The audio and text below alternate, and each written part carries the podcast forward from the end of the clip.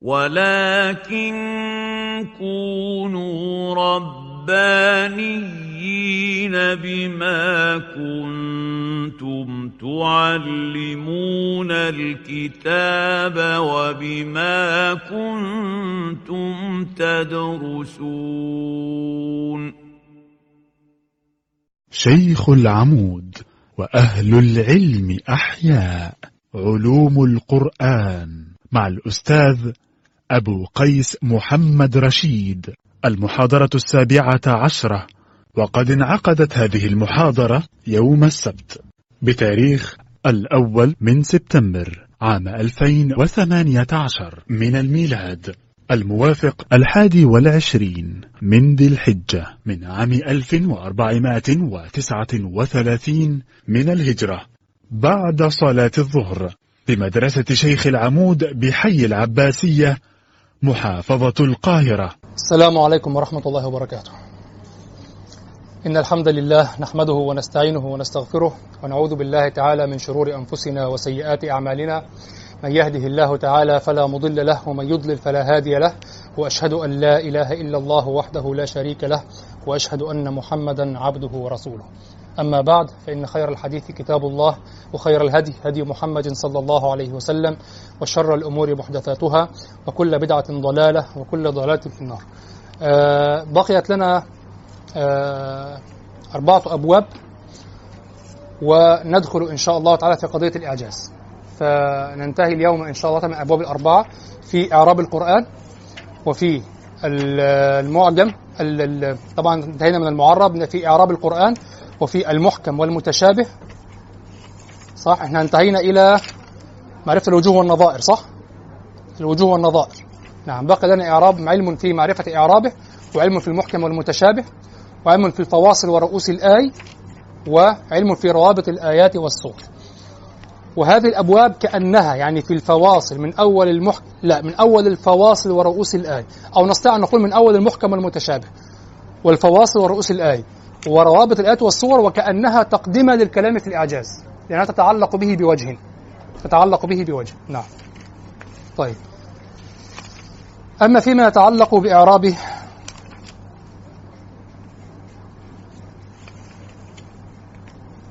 قلت في المتن علم في معرفة إعرابه. ينبغي أن يفهم المعنى. طبعا المتن مبني على الاختصار الشديد وقد يخل قد يكون مخلا. واضح؟ ينبغي أن يفهم المعنى.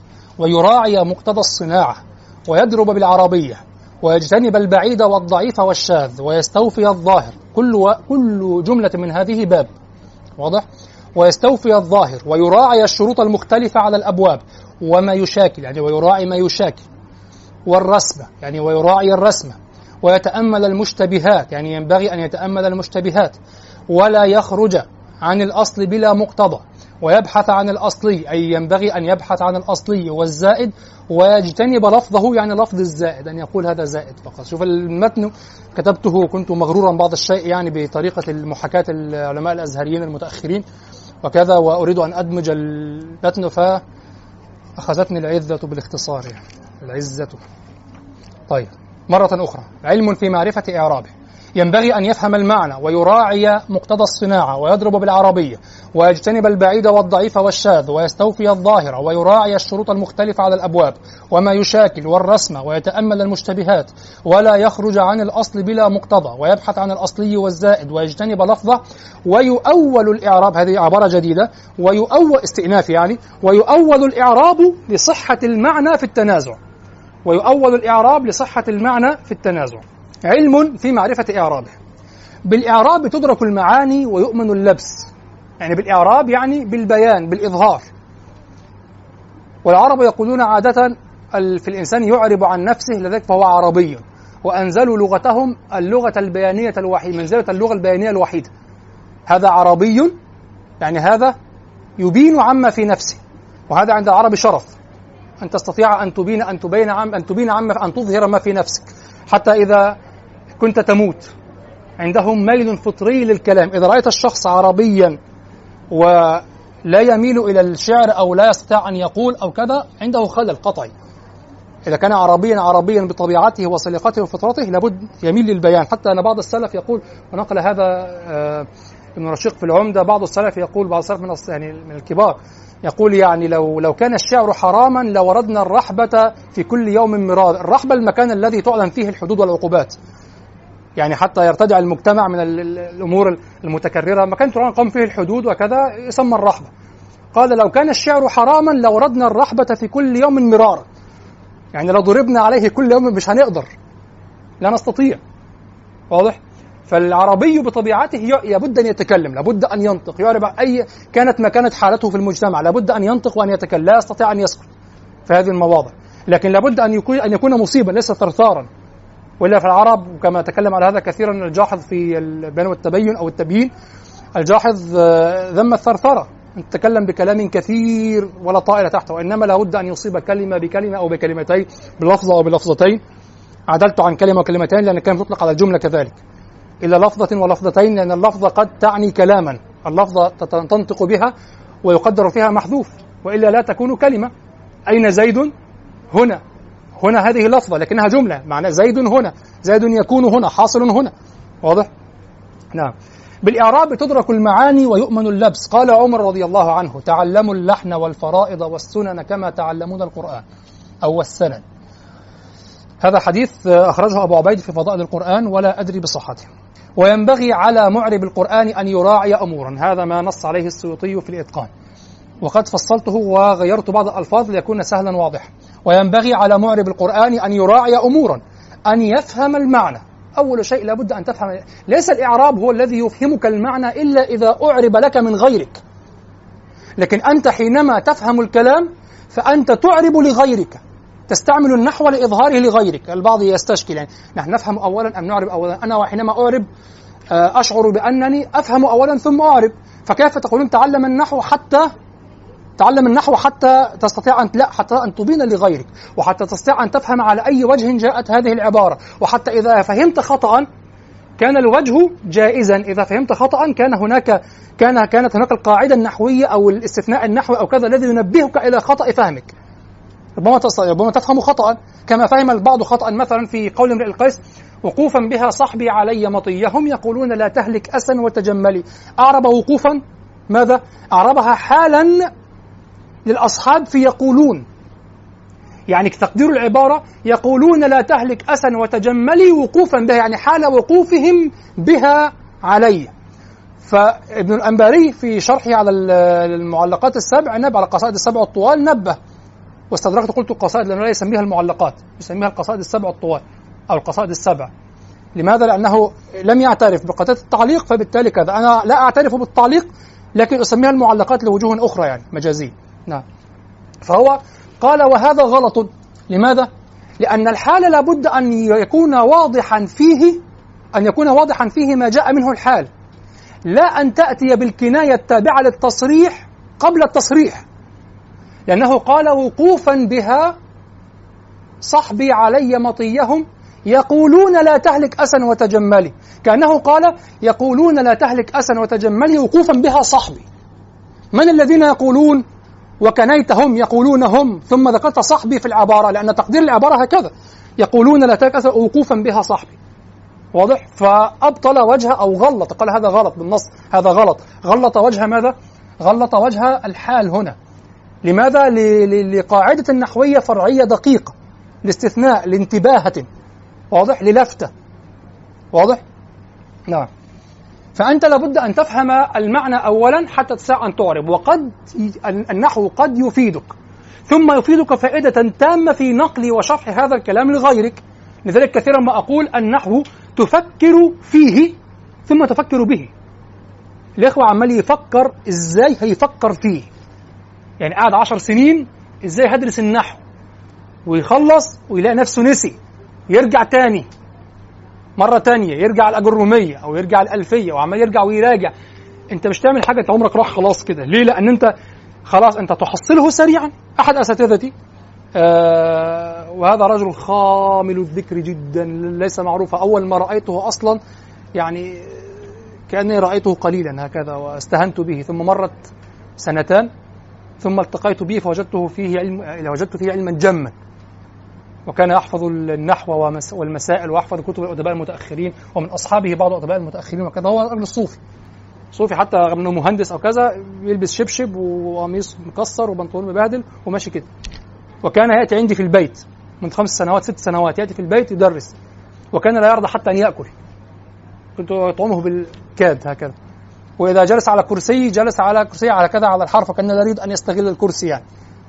واضح؟ هذا أحسبه من الصالحين. قلت له آه أو قلنا له كنت أنا و يعني شاب آخر قلنا له آه آه في كم حفظت الألفية؟ قال في شهر. ثم طبقتها. فلم انساها حفظتها في شهر يعني تحتاج إيه؟ حفظتها في شهر. ثم طبقتها فلم أنسى. خلاص انتهى. وكان شديد اللذع جدا. يعني جاء في مرة وجد كنت أشرح للشباب صرف فوجد على اللوحة على يعني هو يستفزه الكلام في القواعد. فوجد الصق قال اشرح لي. وماذا تعني كذا وكذا؟ فشرحت له فسر. مع أنه كان يلذع. وإذا وكنا قرأنا معه كتب المنفلوطي. طبعا كانت قمة البؤس يعني. عبارات والنظرات يعني مجدولين واضح يعني قمة البؤس. وكان كان يكفنا ونعرب وكذا.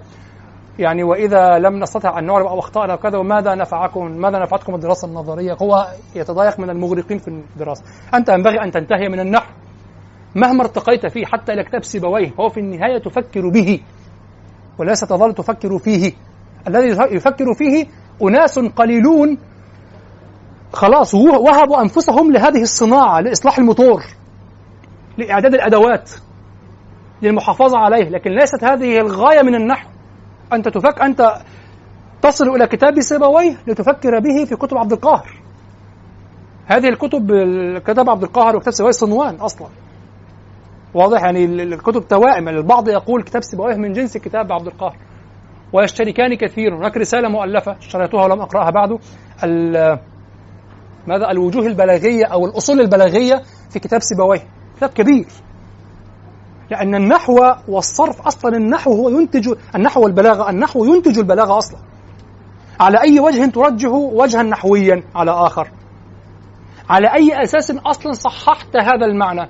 قضية تقدير الجمل المحذوفة على أي أساس قدرتها مع أن الظاهر قد يحتمل عدم التقدير. قدرتها على سياق من فهم النص أدبيا. والنحو خدم هذا. واضح؟ نعم. وينبغي على معرب القرآن أن يراعي أمورا أن يفهم المعنى. فيفهم معنى ما يريد إعرابه. فالإعراب فرع المعنى بهذا الكلام. الإعراب فرع المعنى. يعني إذا فهمت المعنى فهمت كيف تعرب. حتى لا يجوز له أن يعرب فواتح الصور إن قال بكونها من المتشابه الذي استأثر الله بعلمه. يعني إذا ذهبت كما يذهب البعض إلى أن الحروف المقطعة في أوائل الصور آه، مما من المتشابه الذي استأثر الله بعلمه لا يمكنك أن تعربه. لماذا لا يمكنك أن تعربه؟ لأن الإعراب فرع المعنى وهذه عندك لا تعرف معناها كيف تعربها؟ أول ما تجد كتابا في إعراب أوائل الصور اعلم أنه حدد لها معنى ولم يقل لها من المتشابه. مباشرة كيف تعرب أوائل الصور وأنت لا كيف تعربها دون أن تعرف معانيها؟ أنت تعرف المعنى فتعرب. فإذا لم تعرف معناها وقلت الله أعلم لم تعربها. ستقول أقدر مبتدأ. إذا فهمت هذا كذا أو مبتدأ أو مثلا خبر.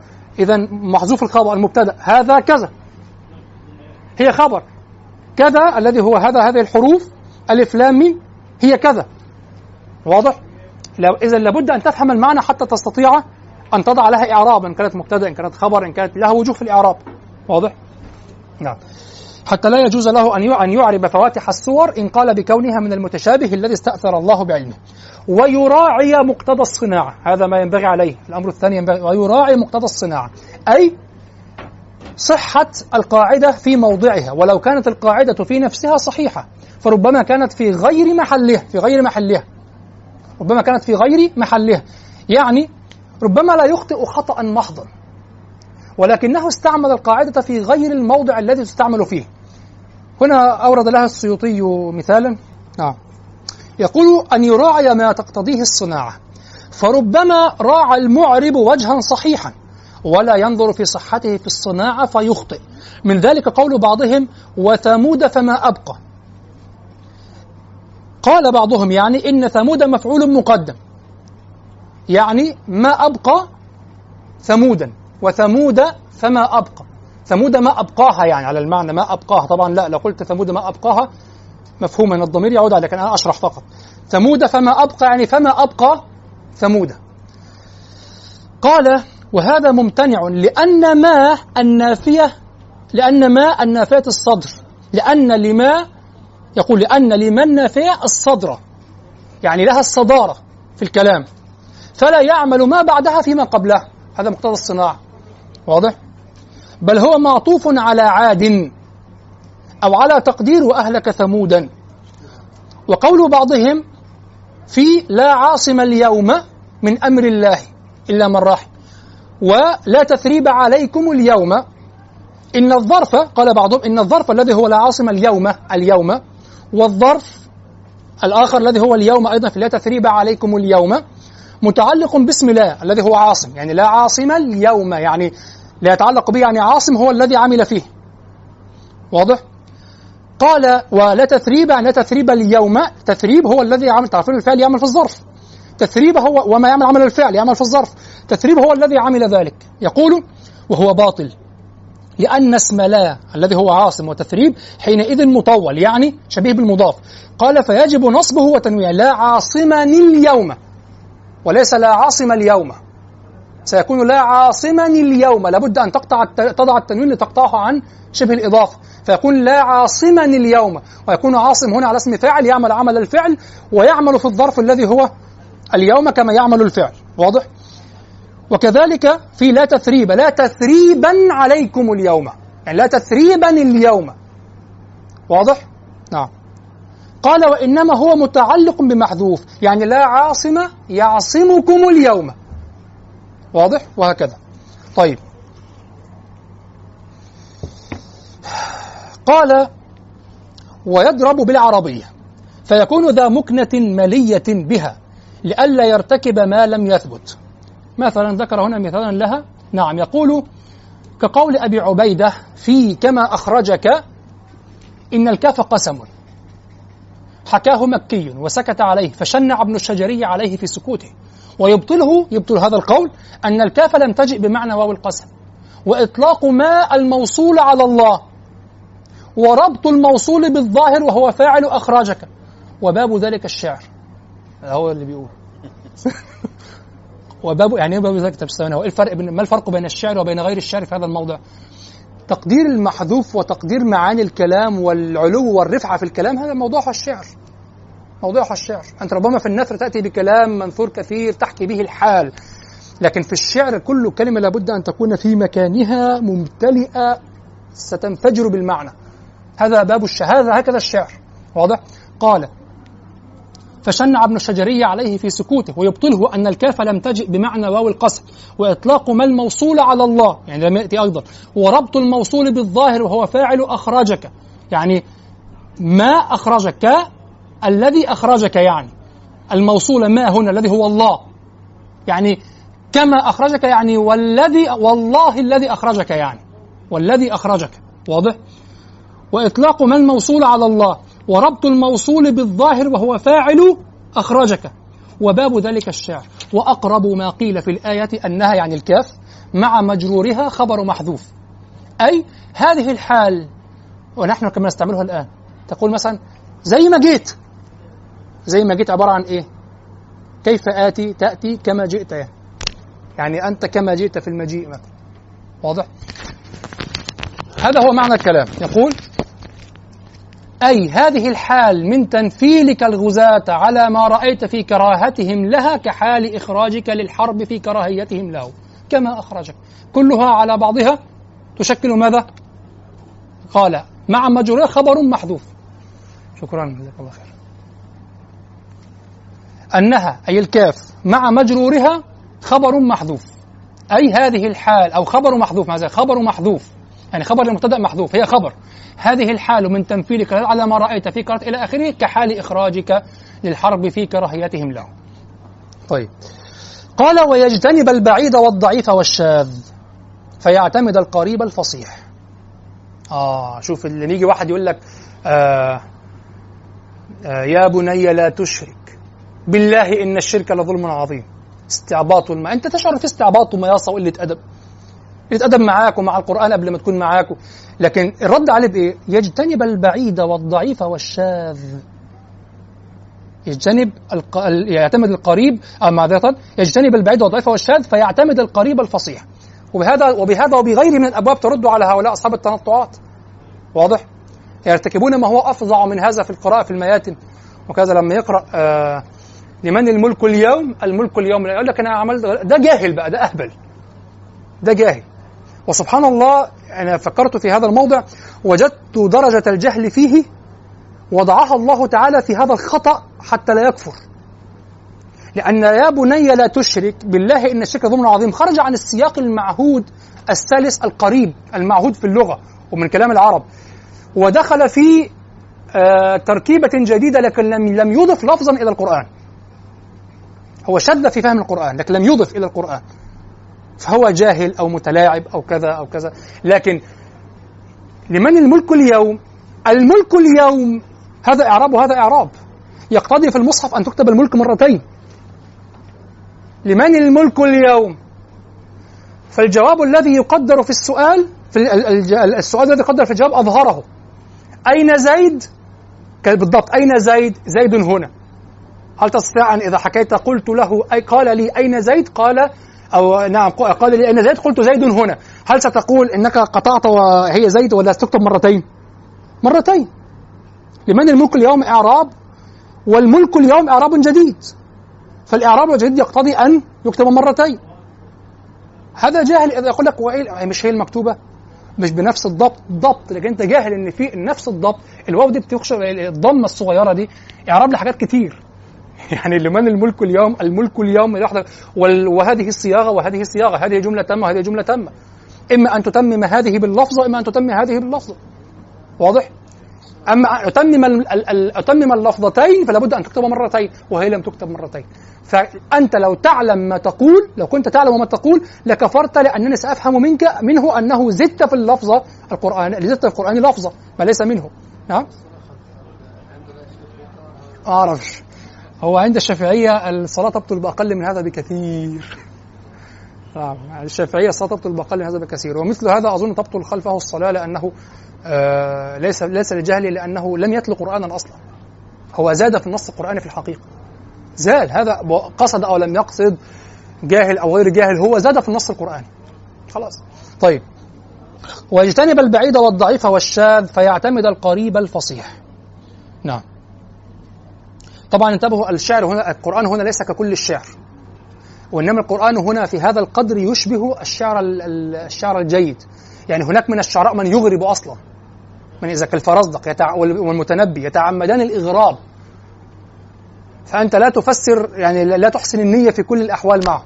لكن في القرآن لأنه على أحسن الوجوه فتفسره على أحسن الوجوه. وكذلك الشعراء الذين لا يلعبون يعني لا يتعاملون اللعب اللغوي أو كذا. لأن الشعراء كانوا آه، كانوا يداعبون النحاة واللغويين. كالمتنبي كان يفعلها والفرزدق كان يفعلها. واضح؟ أما الجاهليون فلا فشعرهم سلس. اقرأ أي شعر اقرأ لابن الرومي اقرأ لابن زيدون اقرأ كذا ثم اقرأ قصيدة لامرئ القيس. وانظر الانسياب الذي عند امرئ القيس. تستغرب. بينهم قرون. لكن الأول أسلس وأيسر وكل كلمة في مكانها وكذا. نعم.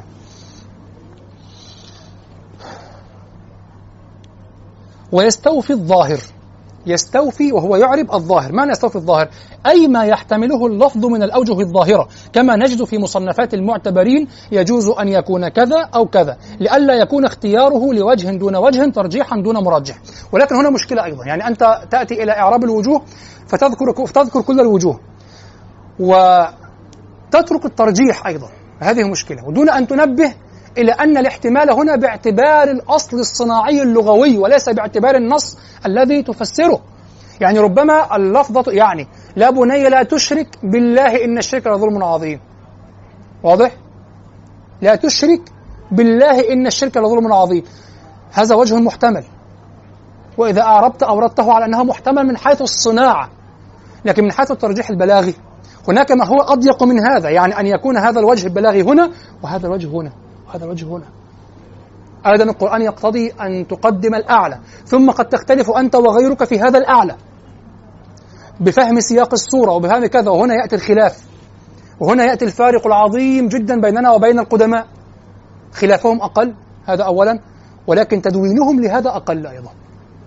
خلافهم أقل وفهمهم أعلى وبلاغتهم أعلى. نحن نعتبر كل الوجوه المحتملة في النحو والصرف محتملة في التفسير. هكذا كتب التفسير للأسف وهذا خطأ. ربما أحسن الظن بالقدماء إذا أوردوا كل الوجوه وكأنهم كرواة الحديث الذين يدونون الأسانيد الضعيفة وغير الضعيفة يدونون الأسانيد ال ال الأحاديث حتى الموضوع. فترة الجمع ليست التمحيص والتحقيق فترة الجمع يريدون أن يدونوا كل شيء حتى لا يفوتهم شيء. حريصون. هذه مرحلة. لابد من ذلك من مرحلة تمحيص واضح بقطع النظر عن أصيب فيها من البعض أو لم يصب فيها أو كذا لكن مرحلة الجمع هي مرحلة جمع. وكذلك في التفسير كأنهم يذكرون كل ما يجوز أن يكون من باب حمل الأمانة. لكن بعد ذلك لا يصح إذا نظرت إلى القرآن على أحسن وجوه البلاغية إلا أن ترجح وجها أو وجهين. واضح؟ أو تتردد بين بعض الأوجه المحدودة. وأن تجتنب كل الوجوه التي لا آه لا, لا توافق المراتب العليا من بلاغة القرآن. نعم. فينبغي هنا التنبيه على هذا أنا قلت ويستوفي الظاهر يعني ينبغي أن يستوفي كل ما يحتمله الظاهر. هذا قاعدة. ثم التمحيص على أساس ماذا؟ البلاغة القرآنية. طيب. ويراعي الشروط المختلفة على الأبواب أي شروط صحة القاعدة في الأبواب النحوية. القاعدة لها شروط. نص على القاعدة ولكن عند التطبيق تظهر مشكلات. ترجع إلى الكتب والمصنفات التي دونت هذه القاعدة ترى أو خاصة كتب القدماء التي لا تدون رأس المسألة فقط ترى في المسألة استثناء وتقييد وكذا وكذا. ضرب لها السيوطي مثالا هنا يحصل أن أقرأه.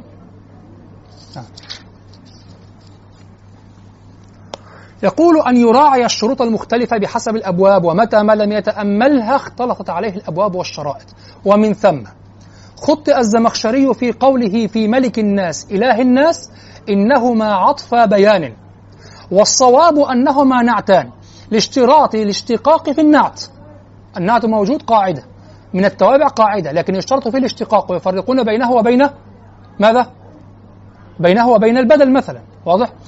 والصواب أنهما نعتان لاشتراط لاشتراط الاشتقاق في النعت والجمود في عطف البيان. عندك جمود في عطف البيان وفي البدل. ما الفرق بينهما؟ درس النحو. عطف البيان والبدل. ما الف... كلاهما جامد. ما الفرق بينهما؟ كيف تفرق بين البدل وعطف البيان؟ اسكت انت ها أه؟ آه البدل البدل ينوى فيه إعادة العامل ينوى فيه إعادة العامل واضح؟ لكن عطف البيان كأنك تبين تنوي الشرح طيب وأين مكان هذا في الألفاظ؟ لا عند الحنفية وهنا عند الشافعية. شكلك عارف الموضوع. هنا. نعم ده الهارد ولا المظهر بقول طب أنا الهارد؟ ده, ده الهارد المفروض ده المظهر. صدق لازم يكون في حاجة حاجة كده وحاجة كده. طيب. الحنفية والأطباء في جانب. طيب. اذا طيب وأيضا في الأداء الصوتي. أنت لما تنوي إعادة العامل سيشعر من كلامك في الدقيق الأداء أنك تعيد الجملة لا انك تشرح السابقه صح؟ أنا أشعر لأن المقدر كالموجود. هذه قاعدة. المقدر كالموجود. كالموجود في ماذا؟ كالملفوظ. يعني كالمقصود معناه. يعني أنا وأنا أؤدي البدل كأني أعيد الجملة لكن بدون أن أنطق العامل. يعني قصصت العامل اكتفاء بالأول واختصارا. لكن أشعر في أدائي أنني أعيده. واضح؟ انما عطف البيان كأنني اكتفيت وأما الإثارة فلا تعاد بالعامل مرة أخرى وإنما كأنني أشرح. اقرأ القرآن على منازله كما قال بعض السلف على منازله يعني على على ما نزل فيه على مواضعه على معانيه. نعم. طيب. ويراعي الشروط المختلفة على الأبواب. طبعا قلنا نعم هنا قال نعم. آه طيب لا نستطرد في الأمثلة لابد أن ننتهي اليوم حتى نبدأ في الإعجاز في المحاضرة القادمة إن شاء الله. ويراعي الشروط المختلفة على الأبواب أي شروط صحة القاعدة آه، في الأبواب النحوية. وما يشاكل يعني يراعي ما يشاكل أي يراعي في كل تركيب ما يشاكله من المواضع المناظرة في القرآن. هذا عين الدراسة الأسلوبية. أن تنظر المتكلم في كتاب الله تعالى. ما ما عهدنا به في التعبير عن هذا المعنى؟ ما الذي عهدناه في المعاني المشابهة؟ لا تفسر الموضع تفسيرا مستقلا. حكم السياق وحكم الأسلوب العام المتبع في مثل هذا السياق أو في مثل هذا التعبير في مثل هذا المعنى في مثل هذا التركيب والعبارة في سائر المصحف. واضح؟ طيب. ناخذ لها مثال ولا؟ طيب. لا كفاية عشان الأمثلة. طيب. والرسمة يعني يراعي الرسم. أيوة ويراعي رسم مصاحف الأمصار التي مر بيانها. مر طبعا من زمان. واضح؟ نعم يراعي رسم الأمصار. طيب هنا قد أدرك مثالا يعني يكون آه جيدا. آه. قال أن يراعي الرسم ومن ثم خطئ من قال في سلسبيلة في سورة الإنسان إنها جملة أمرية يعني سلسبيلة. سلسبيلة. واضح؟ نعم. أي سل طريقا موصلة إليها لأنها لو كانت كذلك لكتبت مفصولة. هذا مصحف رسم المصحف الفصل والوصل له قواعد. سل سبيلة ومن قال إن هذان لساحران. إنها إن واسمها. إنها إنها إن ها. هنقطع ها اللي هي محذوفة الألف في الرسم. هنظهر الألف إنها. ذان لساحران ها؟ لحظة. أهو سيشرح.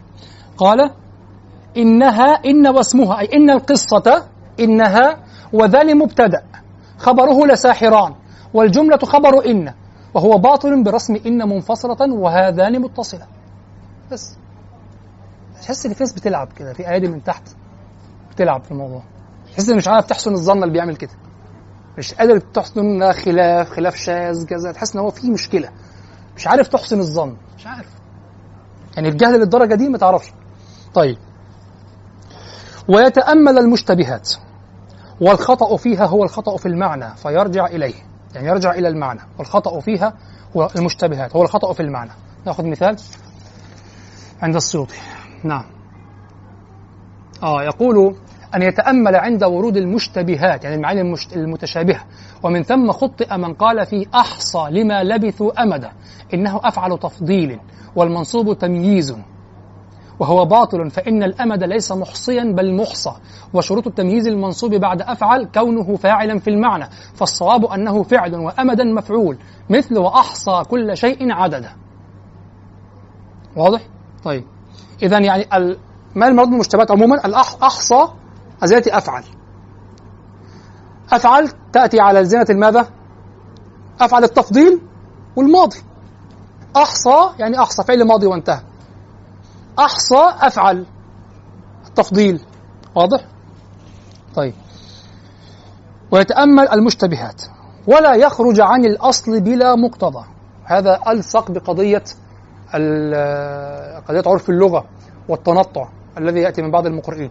هو طبعا إحنا مش عايزين نحمل مش عايزين ندخل المقرئ معانا في نزاع علمي. هو بيعمل كده عشان أكل عيش.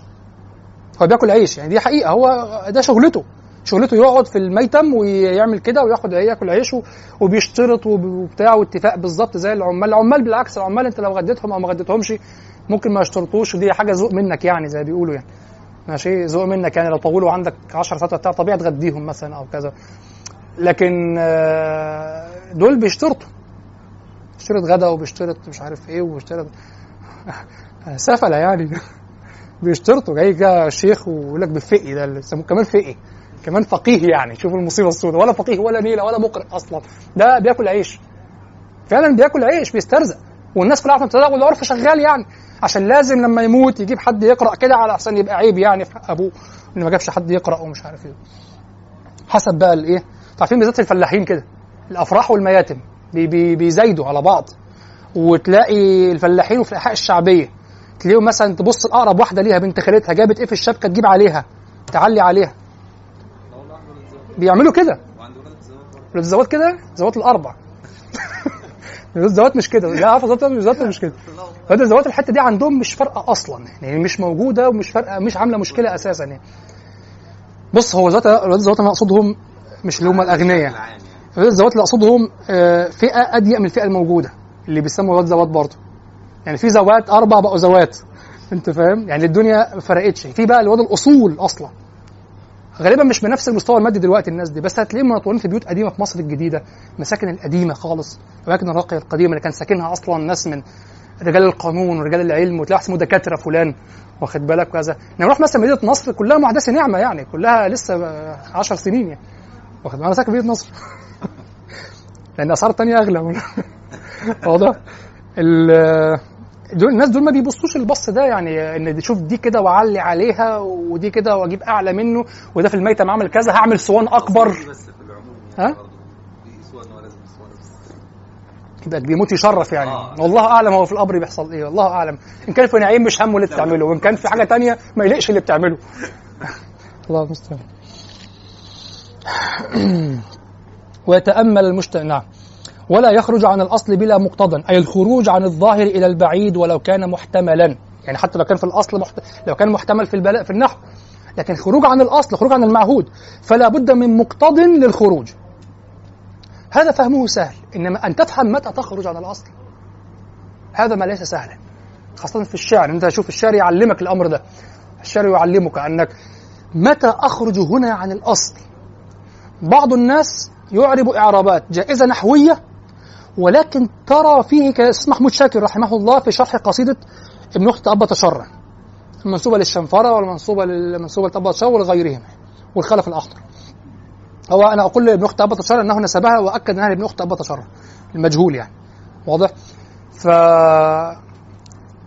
يعرب بعض الإعرابات وكذلك في في تعليقه على أبيات لامرئ القيس آه، واردة في طبقات فحول الشعراء. بمناسبة هو اسمه طبقات الشعراء فحول هذا موضع الاستاذ محمود شاكر رحمه الله. هي طبقات الشعراء لكن هي قصد الفحول ولا في الشعراء أكثر من هذا يعني؟ واضح؟ المهم فأعرب بعض لو تذكرون حينما شرحت المعلقة أعرب بعض الوجوه في الإعراب إعرابات بعيدة ومتداخلة جدا. وليل كموج البحر أرخى سدوله علي بأنواع الهموم ليبتلي. قرب أن يعربها إعراب الفرزدق في البيت الذي آه وما مثله آه وما مثله في الناس إلا مملكا أبو أمه حي أبوه يقاربه. واضح؟ طيب أنت أحيانا في هذه المواطن في قصيدة ابن أخت أبا تشرن أقف كثيرا. أقول هل هذا آه، صادر عن شدة فهم المفسر محمود شاكر؟ هل صادر عن شدة فهمه للبيت وللشاعر وكذا؟ فكان ذلك كافيا للخروج عن الظاهر إلى ما يقتضيه أم هو ميل منه إلى الإغراب عموما؟ خاصة أن نثر الأستاذ محمود شاكر ليس سهلا. تراه دائما يشرح الكلام بين بين شرطتين ويأتي بالألفاظ الفخمة. قد يقصد هذا وقد يكون لأنه بالفعل هو مدرسة الرافعي والرافعي يقارب هذا أحيانا. واضح؟ وكذلك هو من المهتمين بقراءة المعجم. يعني هو قرأ لسان العرب تقريبا مرتين قراءة شرح وإيقاف وتوقف في الثالثة مع شيخه يعني. واضح؟ لسان العرب. قرأوا مع شيخه يشوف واقف على لفظ فطبعا معجمه كبير. فممكن يكون بيأتي بالفعل هذا هذه العبارة أو هذه الجملة وردت إلى ذهنه وهو يكتب خاصة أنه ليس رجل ارتجال هو رجل كتابة وحتى قال لنفسه هذا هو يقول أنا لا أستطيع أن أرتجل يعني حتى لما جه في جائزة الملك آه، فيصل أو فهد كان حضور فهد وملك جائزة الملك فيصل للأدب أو شيء من هذا القبيل فيصل أه هو قال أنا رجل قلم لست رجل ارتجال يعني لا أستطيع أن يرتجل رجل قلم. رجل القلم يعني يغرق يعني يفكر كثيرا وهو يكتب. واضح؟ فربما وهو يكتب ترد إلى ذهنه هذه العبارات أو هو يتعمد هذه العبارات وكذا فيضع هذه العبارات في في النص ويشرحها. فأقول هل هذا من طبيعته؟ يعني تفسير الشعر بهذا الشكل أم هو بالفعل يعلم من الشاعر ما يقتضي الخروج؟ في التوقف طويلا. فلذلك أقول فهم هذه النظرية أو الفكرة سهل لكن الخروج عنها ليس سهلا. واضح؟ تطبيقها ليس سهلا. لأنك أيضا رغما عنك.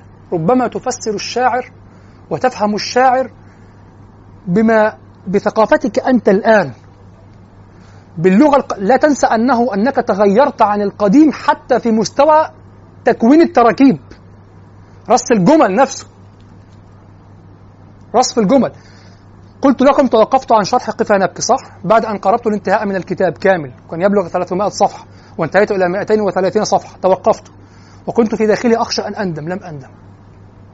تتكشف لي في هذه الفترة التي انقطعت فيها كنت واقفها نبكي كل يوم. كل يوم كل دقيقة أصلا. قبل النوم وبعد النوم خلال اليوم في الشرفة في العمل الشاق ارتاح بقفا نبكي أسمعها. تبدل لي الكثير من فهمها بالفعل. كثير كثير. تبدلت لي أزمان الكلام. أعدت النظر في كثير من الشيء يعني يبدو أن لابد أن أشرحها مرة ثالثة. يعني قوله وقوفا بها صحبي علي على ما قيل فيها من خمس أقوال أو ست أقوال في إعراب في النصب في وقوفا. بدا لي شيء فرضه زمن القصيدة انظر كل هذا شرح لي ولا يخرج عن الأصل بلا مقتضى. بدا لي شيء في خاص بزمن القصيدة زمن القصيدة. متى قال هذه القصيدة؟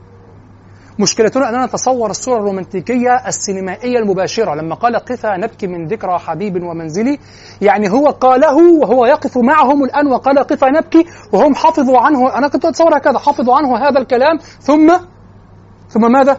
حفظوا عنه هذا الكلام ثم أدوه. واضح؟ الصورة ليست بهذه بهذه السذاجة لو تأملنا أزمنة الوصف في القصيدة. قفا نبكي من ذكرى حبيب ومنزلي. بسقط اللواء. لو نظرت إلى سقط اللواء هو خط رملي منقطع رملي بين هضاب الدخول وهضاب حومل وجبل حومل. هضاب الدخول مجموعة هضاب بينها مقطع رملي ينتهي عند يعني مد البصر من اليسار ومد البصر من اليمين. هكذا ترى الدخول وهكذا ترى حومل. آخر بصرك يظهر لك رأس حومل. جبل صخري كبير كتلة واحدة يعني يشبه النازك الذي سقط جبل ضخم. هكذا كتلة بالضبط زلطة زلطية صوان هكذا كبير واحد ناعم جدا زلطة ضخمة واضح؟ يبدو رأسه وهكذا تبدو هضاب حومل بعيدة أيضا أيضا على آخر البصر واضح؟ بينهما خط رملي يسمى الآن سنام مشرف سنف هكذا في اللهجة السعودية سنام مشرف سنام مشرف واضح؟ توضح والمقراء قريبان. فلما قال بسقط اللواء بين الدخول فحوملي أصلا سقط اللواء مكان واحد بين الدخول يعني يربط بين الدخول وبين حومل يملا الفراغ والأصمعي يقول بالواو وليس بين الدخول فحوملي كيف قلت ب... كيف قاربت الديار؟ فأسقطتها بسقط اللواء ثم ترتب بين الدخول وحومل. سقط اللواء مكان واحد. واقع بين الدخول وحومل. واضح؟ فيترجح رواية الأصمعي الواو. ثم بان لي أن التعلق في الجار والمجرور يعود على القفا وليس على ليس على المنزل كون المنزل أو قيام أو أو أو كونه كائنا. يعني بسقط اللواء الدخول في حو بسقط آه ذكر حبيبي ومنزلي المنزل بسقط اللواء. لا قفا بسقط اللواء. وكان ينبغي أن أتأمل المواضع. هذا بنص المعربين هنا. انظر ماذا قال. وما يشاكل. لما قلت هذا عن الدراسة الأسلوبية. لما رجعت شعر القيس غشيت ديار الحي غشيت ديار بالبكرات بالبكرات تتعلق بماذا؟ بغشيت غشيت ديار الحي بالبكرات فعارمة فبرقة العيارات فغول فحليت فنفء فمنعج إلى عاقل فالجب ذي الإمارات. ظللت ردائي فوق رأسي قاعدا أعد الحصى ما تنقضي عبراتي. غشيت ديار طيب لمن الديار غشيتها بسحامي؟ إذا قفا ثم يعترض بسقط اللواء. قفا بسقط اللواء بين الدخول في حوملي فتوضح فالمقرى يعني أنه سيأتي الديار يدخلها من أرجائها. هذه حدودها أو هذه مواقعها والعرب كانوا يتخذون الديار في الجبال يعني جبال الجبال حدودا. واضح؟ فيدخلها من أقطارها. ثم انتبهت إلى قوله ترى بعر الأرآم في ماذا؟ عرصاتها وقيع العرصة هي ساحة كل دار. عرصة الواحدة ساحة الدار. القيعان ما فيها من أحواض وأحواض وأبيار. هذه القيعان قاع. كيف رأى القيعان؟ إذا وقف في موضع واحد بالصورة الرومانتيكية نتصورها السينمائية نتصورها. رأى في عرصاتها وقيعانها آه بعر الأرآم كأنه حب فلفل من كثرته هذا فيه نوع مشقة أو نوع بعد في التصور. وإنما يبد أن يكون الزمان قد انقطع بعد الأمر بالوقوف ودخلوا. يعني هو قال لهم قفوا في هذا المكان قفوا في هذا المكان بكذا ثم قفوا بكذا ثم قفوا بكذا وأخذ الديار من أرجائها. ثم دخل فرأى بعض الأرآم في أرجائها وهكذا. ثم بعد انتهاء هذه التجربة الشعرية كما يقولون أصحاب التحليل النفس تكون تجربة شعرية. بعد انتهاء هذه التجربة نظم القصيدة في الموضوع. فلما قال قفا نبكي من ذكرى حبيب ومنزلي كأنه يقول قلت لهم قلت لأصحابي قفا نبكي من ذكرى حبيب ومنزلي. ولما قال بعد ذلك وقوفا بها صحبي علي مطيهم. بعد ذلك كأنه يقدر هنا المصدر محذوفا وليس المذكور في الأعلى. وقوفا يعني أمرتهم أن يقفوا وقوفا الوقوف الذي وقفوه هم كيف يقول لأصحابه قفا وقوف صحبي علي مطيهم. ما الذي نبهني إلى أن الصحب هنا ليسوا كما قلت الصحب الذين كانوا في الدار لما هجروا. لحظة أن هجروا لما قال كأني غداة البين يوم تحملوا لدى سمرات الحي ناقف حنظلي. وقوفا بها صحبي. قلت لهم الصحب الذين كانوا معه في الوقوف الأول. قوله بها يعني في البيت الذي قبله قال ماذا؟ لدى سمرات الحي فهو ليس بالدار هو في حدود الحي بعيد. فكيف يقول وقوفا بها؟ نبهني إلى أن الصحب هنا هم الصحب الذين قال لهم قفا في الأول. هذا يقتضي أن أخرج خارج الزمان الذي يتحدث فيه وأنه يحكي لا يخاطب أصحابه وأنه نظم القصيدة بعد التجربة كاملة. فهمتوا؟ واضح. طيب. كل هذا شرح للمقتضى. مقتضى الخروج عن هذه عن المسألة. نعم. ولا يخرج عن الأصل بلا مقتضى. قلت ومن صور الخطأ في ذلك تعسفات القراء على ما ذكرته في الوقف والابتداء هناك. لأنه سيجرهم إلى الإعراب لمن الملك اليوم الملك لله الواحد القهار. إذا انسحبوا إلى قضية الإعراب وقعوا لهم جهل أصلا يعني بياكلوا عيش زي ما بنقول نعم. نعم تفضل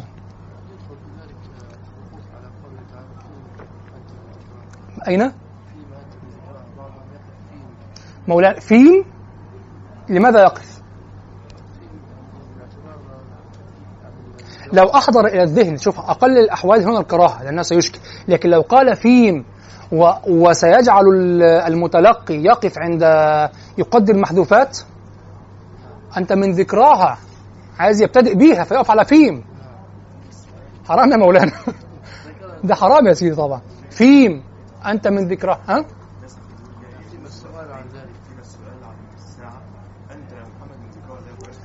طيب هل هذا له وجه أصلا يعني ذكره المفسرون أو وجه في العربية أو كذا؟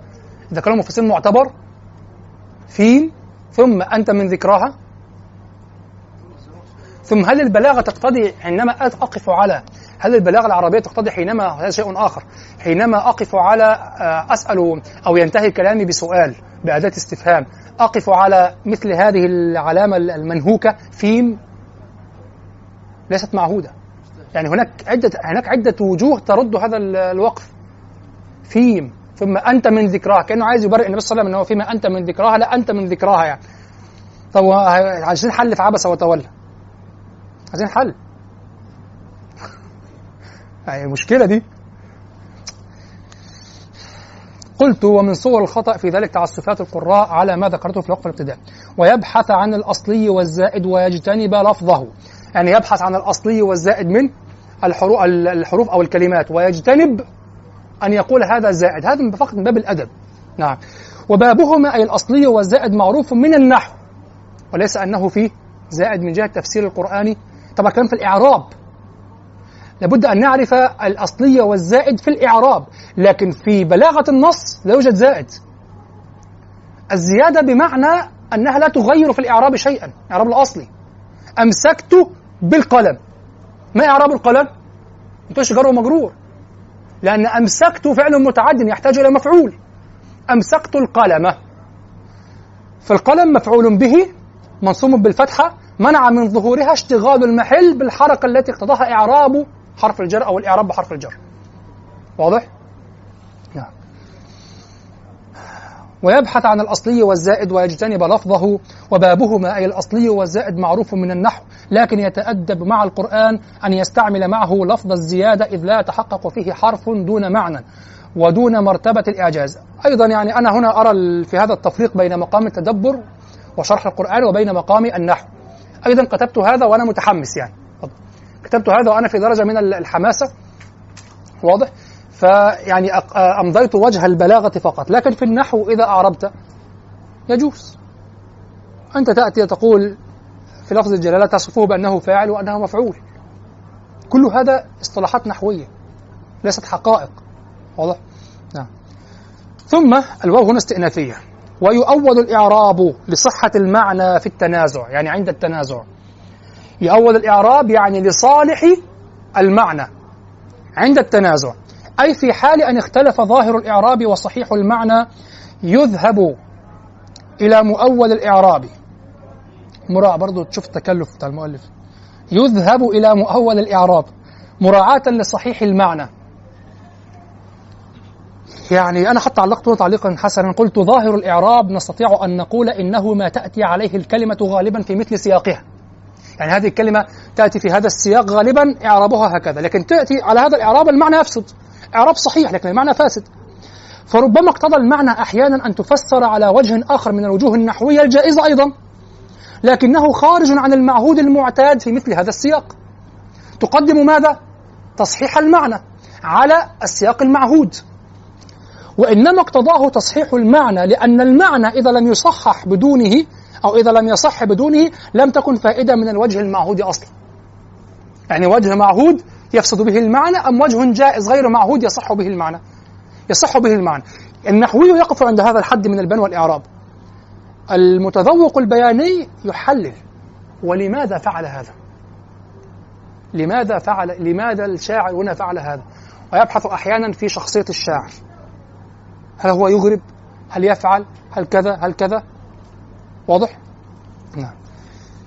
هذه الشروط التي كما قال ينبغي على معرب القرآن أن يراعي أموره وأنت تعرب القرآن. كل هذا طبعا غير مراعى الآن في عند أي أحد يعرب أو لا يعرب أو كذا هذا هذا علم واسع. مجرد حد الإعراب بهذه الشروط التي ذكرناها علم واسع. ولا بد أن يكون معرب القرآن متصلا بقدر لا أقول قليل بقدر عظيم من التذوق البلاغي. لأن تعدد وجوه الإعراب أو احتمالات الإعراب ستجبره ستقصره على أن يرجح بعض الوجوه. كيف سيرجح؟ سيرجح بما يبدو له هكذا من المعنى المباشر والظاهر السهل هكذا؟ لا سيرجح بماذا؟ بما يناسب مستوى القرآن. ولن يكون على مستوى القرآن إلا إذا كان مارس الشعر. الباقلاني نفسه على أنه أصلا واضح أنه لم يمارس الشعر.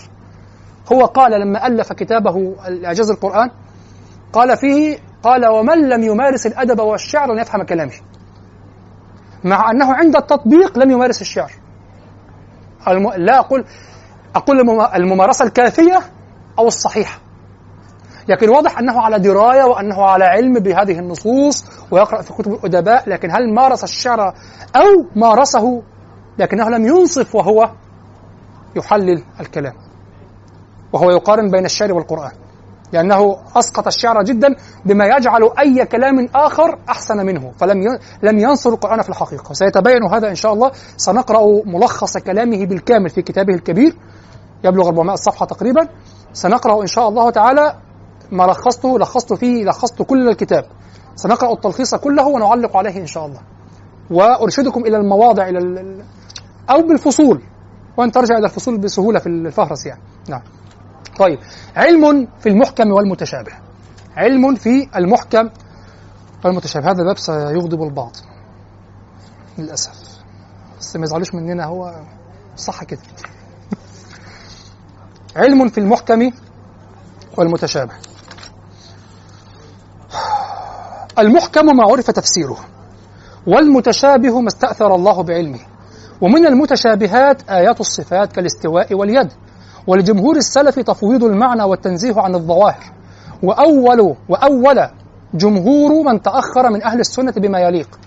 جمهور من تأخر اللي هم الأشاعرة والماتريدية وأيضا السنة من الحنابلة أو عدد من يعني قدر منهم قدر قليل منهم.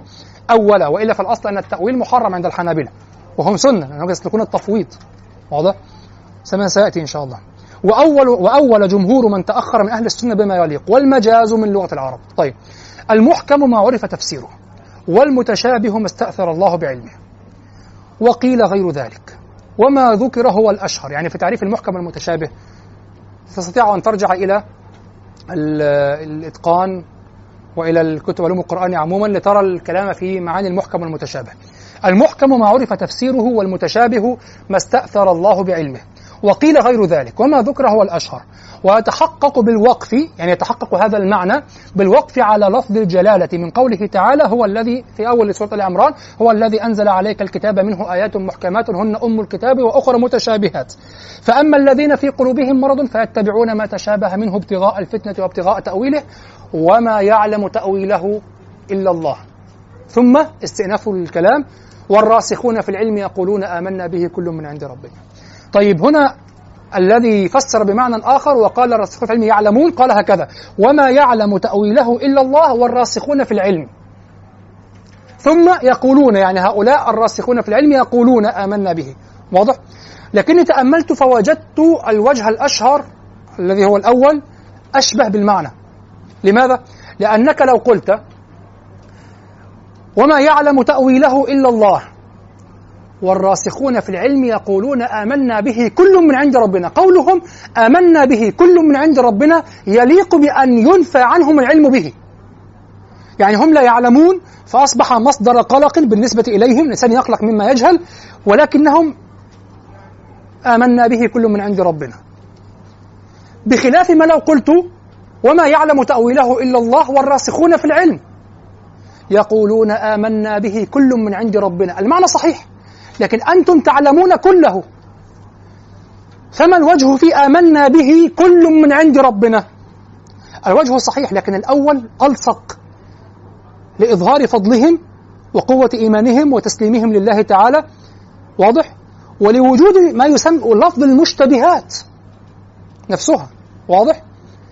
آمنا به والراسخون وشوف مع مع الراس مع الرسوخ في العلم. الرسوخ في العلم. يقولون آمنا به. كل من عند ربنا. هذا أليق به أن يكونوا علموا البعض ولم يعلموا البعض. فجاء رسوخهم في العلم وقولهم آمنا به وقولهم كل من عند ربنا لائقا بماذا؟ لائقا في إثبات الفضل لهم بما يجهلونه من بما استأثر الله بعلمه. بما استأثر الله بعلمه. لكن وما يعلم تأويله إلا الله والراسخون في العلم. هم علموه. ثم قالوا آمنا به كل من عند ربنا. المعنى صحيح لكن السياق هدأ والفضل قل صح؟ ولذلك الجمهور هنا لعله الأصوب والله تعالى أعلم والله أعلم. نعم. فالوقف على جملة وما يعلم تأويله إلا الله فالوقف إخبار فالوقف على جملة وما يعلم تأويله إلا الله.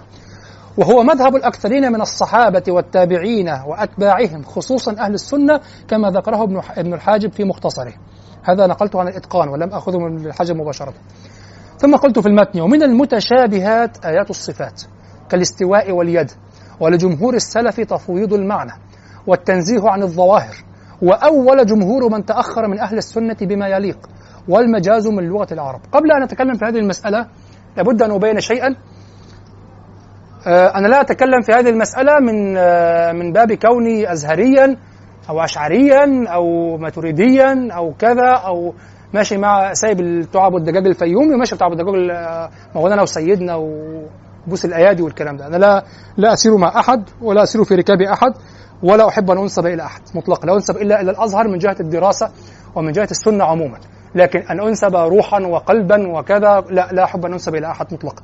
ولا إلى مؤسسة ولا إلى أي شيء. للأزهر للأزهر تأثير في نعم لا شك في العلم والتلقي وكذا لكن ما أقوله الآن لو كنت أرى رأيا يخالف حتى المؤسسة الأزهرية لقلته هذا شيء بيني وبين ربي وأنا أثق في عقلي الذي أقف به أمام ربي وأنا أقف أمام ربي وأقول يا رب أنا أهو الناس أهم قالوا فيك فأنا قلت معاه لا أنا لا أقول إلا ما اعتقدته في ربي سبحانه وتعالى وأنا يغلب علي التفويض لا التأويل.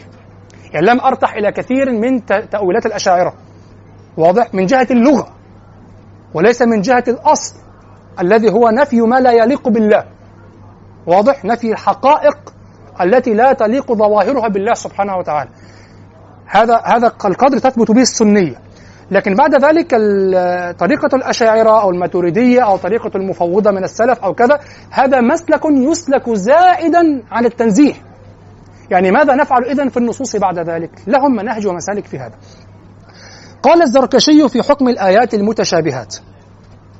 طبعا حينما يقول وقد اختلف هذا كلام الزركشي يقول في البرهان يقول وقد اختلف الناس في الوارد منها في الآيات والأحاديث على ثلاث فرق. انتبهوا كلمة ربما الدراسة في الفقه تجعلونكم تقرؤون كلمة انتبهوا إلى هذا هذا التنبيه.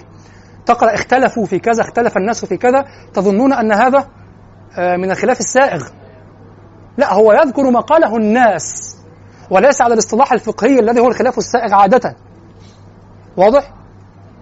فيقول اختلف الناس ويذكر قول المعتزلة مع أن السنة يقولون المعتزلة ضلون اختلف الناس في الله وكذا فبعضهم كفر بعضهم أشرك بعضهم قال غير موجود. لا هو اختلف الناس فعلا. واضح؟ قال الزركشي في حكم الآيات المتشابهات وقد اختلف الناس في الوارد منها. في الآيات والأحاديث على ثلاث فرق. أحدها أو أحدها على الإعرابين أنه لا مدخل للتأويل فيها بل تجري على ظاهرها ولا تؤول شيئا منها أو ولا تؤول يعني هي شيئا منها وهم المشبهة. المشبهة. يمثلهم الآن السلفيون. بكل وضوح. الاتجاه السلفي هو امتداد وتسميع وباقية للاتجاه التجسيمي القديم. لكن المجسمة في الأصل أو المشبهة في الأصل فرقة. فرقة. ولهم آراؤهم وكلهم توجهاتهم وكذا. السلفية الآن أخذت من هذه الفرقة مع بعض آه، أمور أخرى اكتسبتها من الواقع من مشايخها في السعودية من كذا من كذا. نعم. أحدها أنه لا مدخل للتأويل فيها بل تجري على ظاهرها ولا تؤول شيئا منها وهم المشبهة. والثاني أن لها تأويلا ولكن نمسك عنه مع تنزيه اعتقادنا عن الشبه والتعطيل. يعني لا تقول آه الصفة على حقيقتها يعني تنزه الله عن ظاهر الصفة ولا تق... لا تقل لا ليست بشيء لتعطل لا. ونقول لا يعلمه إلا الله وهو قول السلف. هذا كلام صاحب برهان. السلف طريقتهم هكذا. وهكذا طريقة الحنابلة. الحنابلة مفوضة في الأصل. هذا معنى التفويض. المفوضة عند ال- المشبهة أشر من أو عند المجسمة أشر من الأشاعرة المؤولة. لماذا؟ لأن يقولون المفوضة المفوضة لم يثبتوا الصفة ولم يؤولوا. يعني هم أصلا من الأول نفوا الصفة أساسا. قالوا اللفظ فقط هكذا لفظ خلاص. إيه معناه؟ ما فيش معنى لا معنى. لا هو لا معنى يثبت لا معنى نقوله. بدليل أننا نقول لا معنى والله أعلم بمراده. يقولون هكذا لا معنى لا معنى معلوم عندنا. والله أعلم بمراده يا جماعة في لغة في سياق مكتوب في أشياء تستفزك وأنت بتقرأ. تحس إنك عايز اللي عدوك يكون فاهم أحسن من كده مش يكون هو كده. فاهم؟ طيب أما الأشاعرة فعندهم أصلا أصلا أثبتوا ولكنهم أخطأوا في التأويل في المعنى. يعني أثبتوا الصفة فأخطأوا في معناها ضلوا في معناها. واضح؟ لأنهم فسروا لها معنى ثم نفوها فأولوها بمعنى آخر لكن يثبتون على كل حال. لكن المعطلة لم يثبتوا من الأول. وكما يقول ابن عثيمين رحمه الله وهو طبعا من من رؤوس هذه الفرقة يعني آه وأحسبه من الصالحين رحمه الله. يعني خلقا ودينا وكذا. آه لكن الآراء هي الآراء يعني. هو يقول يقول والمعطلة مشبهة قبل أن يعطلوا لأنهم ما عطلوا إلا بعد أن وجدوا أن الشبه الذي في الصفة لا يليق بالله فأولوا فنفوا عطلوا. فهم مشبهة قبل أن يكونوا معطلة. شبهوا ففزعوا من التشبيه فنفوا. نعم. طيب. والثالث أنها مؤولة وأولوها على ما يليق به. ثم قال والأول باطل والأخيران منقولان عن الصحابة. الجمهور من الصحابة على التفويض يعني لم يخوضوا في هذه المسألة وهذا ما أنا عليه غالبا. إلا أن يكون المعنى تأويل المعنى واضحا جدا. لأنني أخاف من أن أقول في في معنى أخاف من التفسير أصلا. حتى في الأحكام أو في المعاني الأخرى خارج الأحكام لم تتعلق بذات الله. فما بالكم لو تعلقت بذات الله سبحانه وتعالى؟ وبعض تأويلات بعض تأويلات بعض الأشاعرة يعني لا أجدني يعني آه، لا أجدني يعني أقول بها أو لا أطمئن إليها حتى من جهة اللغة. أو ما درسته في اللغة لا أجد يعني لا, يطمئنني إليه. ومن هنا تعلمون أن هذا الذي يقول أنا أشعري قح هذا حمار قح. أنا أشعري قح أشعري قح دي يعني ما بتفكرش. يعني ناسخ. يعني حتى ما يقبل الأخذ والرد. أنا أشعري قح. هو مش فاهم على فكرة هو بس مستفز من مستفز من السلفية فبيرد أنا أشعري قح. مش اسمها أشعري قح. فيش لا، أشعري قح يعني ما بتفكرش قح هنا حجر قح مفيش. امم ما بقتش أشعري أشعار اشعار بيفكروا. يعني أشعار نفسهم مخت... الشيخ محمد بخيت المطيعي في شرحه على منهج البيضاء تجد لك وقال آه قال السنة من الاشاعره كذا وقال كذا وأقول كذا. ولا يخرج عموما عن مسلك أهل السنة أو عن مسلك الاشاعره فهناك أصول وهناك فروع وهناك مسالك. وهناك أصول يتفق عليها هناك أصول للمذهب وهناك مسلك. نعم.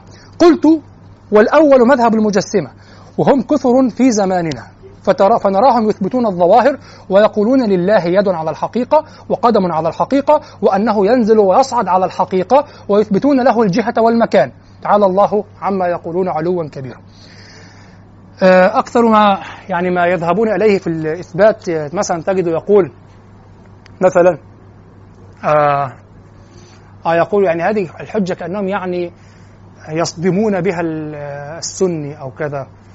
تجد مثلا يقول أنا آه يقول مثلا أنتم تثبتون السمع والبصر والإرادة وكذا. هل سمع الله كسمعنا؟ هل بصر الله كبصرنا؟ هل ك... طب لماذا تثبتون سمعا وبصرا؟ آه يليق بالله تعالى ولا تثبتون يدا وقدما وحقوا. يثبتون الحقو اللي هو عظمة الحوض موجود في زاد المعاد لابن القيم ويثبت حديثا آه أبطله فيه ابن كثير وضعفه ابن كثير وأن الرحم تأتي تتعلق بحقو الله وهو موضع الإزار وأن الله الحديث فيه هكذا أن الله ينزل إلى الأرض بعد أن يفني كل من في الأرض يطوف في الأرض وقد خلت عليه الفلوات الأرض الفلوات خلت على الله واضح؟ ويقول لمن الملك اليوم لمن الملك اليوم وكذا. يعني الحديث أحاديث أصلا أبطله حتى السلفيون. أبطله ابن القيم أتى به رحمه الله. أحيانا الهوى يعني يعمي. نعم ويصم. هذه هذه حقيقة. واضح. فأتى بالحديث بهذا المعاد وضعفه ابن كثير. أين أظن في في البداية والنهاية ولا في التفسير لا أذكر يعني. قرأت نص ابن كثير في تضعيفه وإبطاله وأنه لم يصححه أحد وكذا ومليء بأشياء لا تليق بحق الله حتى على على طريقة المجسمة أو المشبهة. واضح؟ فيقول أنتم تثبتون لله تعالى سمعا وبصرا يليق به وللإنسان سمعا وبصرا يليق به ولماذا لا تثبتون يدا وقدما وعينا وحقوا؟ وهذه الأشياء تقول ليست أعضاء هم بيقولوا مش أعضاء. هو بيقول لك يد وقدم وحق وعين وأذن ومش أعضاء. مش بتقول أذن باين أذن ومش أعضاء. ليست أعضاء. والوجه ومش أعضاء. طيب وكي طب خلاص مش هدي مش أعضاء. ما أقولش أعضاء. حاضر مش هقول أعضاء. لكن قدم حقيقية حاضر. يد حقيقية حاضر. طيب. فيقول لماذا لا تثبتونها لا يفرقون بين لا يفرقون بين الاختلاف في أصل المعنى الحقيقي والاختلاف في ما هو من باب المشترك اللفظي. يعني نحن لا نقول نثبت لله تعالى السمع والبصر الحقيقية المعهود المعلوم. لا نقول السمع معلوم هنا الذي هو السمع المعلوم عندنا. لا نقول ولا البصر المعلوم عندنا. وإنما نعرفها في كتب التوحيد. لأن لو درست ألف باء كتب مبتدئين في التوحيد على مذهب الأشاعرة أو الماتريدية هي صفات هكذا يقولون صفة تتجلى بها المسموعات. وتتجلى بها المبصر يعني تتجلى بها الأشياء التي من حقها في حقنا ت- أن تبصر. وتتجلى بها في حقنا تتجلى بها ال- أو الأمور التي في حقنا تسمع. فلذلك نقول صفة السمع والبصر. ما حقيقتها؟ ما كنهها لا نعرف. وإنما سميناها سمعا وبصرا باعتبار المنكشفات. ما يقع عليه الانكشاف. فلا نقول سمع وبصر حقيقي كما عندنا والكيفية مختلفة. لا. الكيفية ليست م... الأصل الحقيقي مختلف. ليس هذا من باب الاشتراك في اللفظ فقط وليس اشتراكا معنويا. اشتراك حقيقي يعني اختلاف في اللفظ ليس اشتراك في المعنوي كما يقولون في ال- اليد والقدم. هذا اشتراك معنوي عندهم نحن عندنا اشتراك لفظي. يعني أنا أقول السمع والبصر في حق الله ألفاظ تحوي معان في أصلها في حقيقتها تختلف عن حقيقة المعنى عند الإنسان والمخلوقات. فهمتم الفرق؟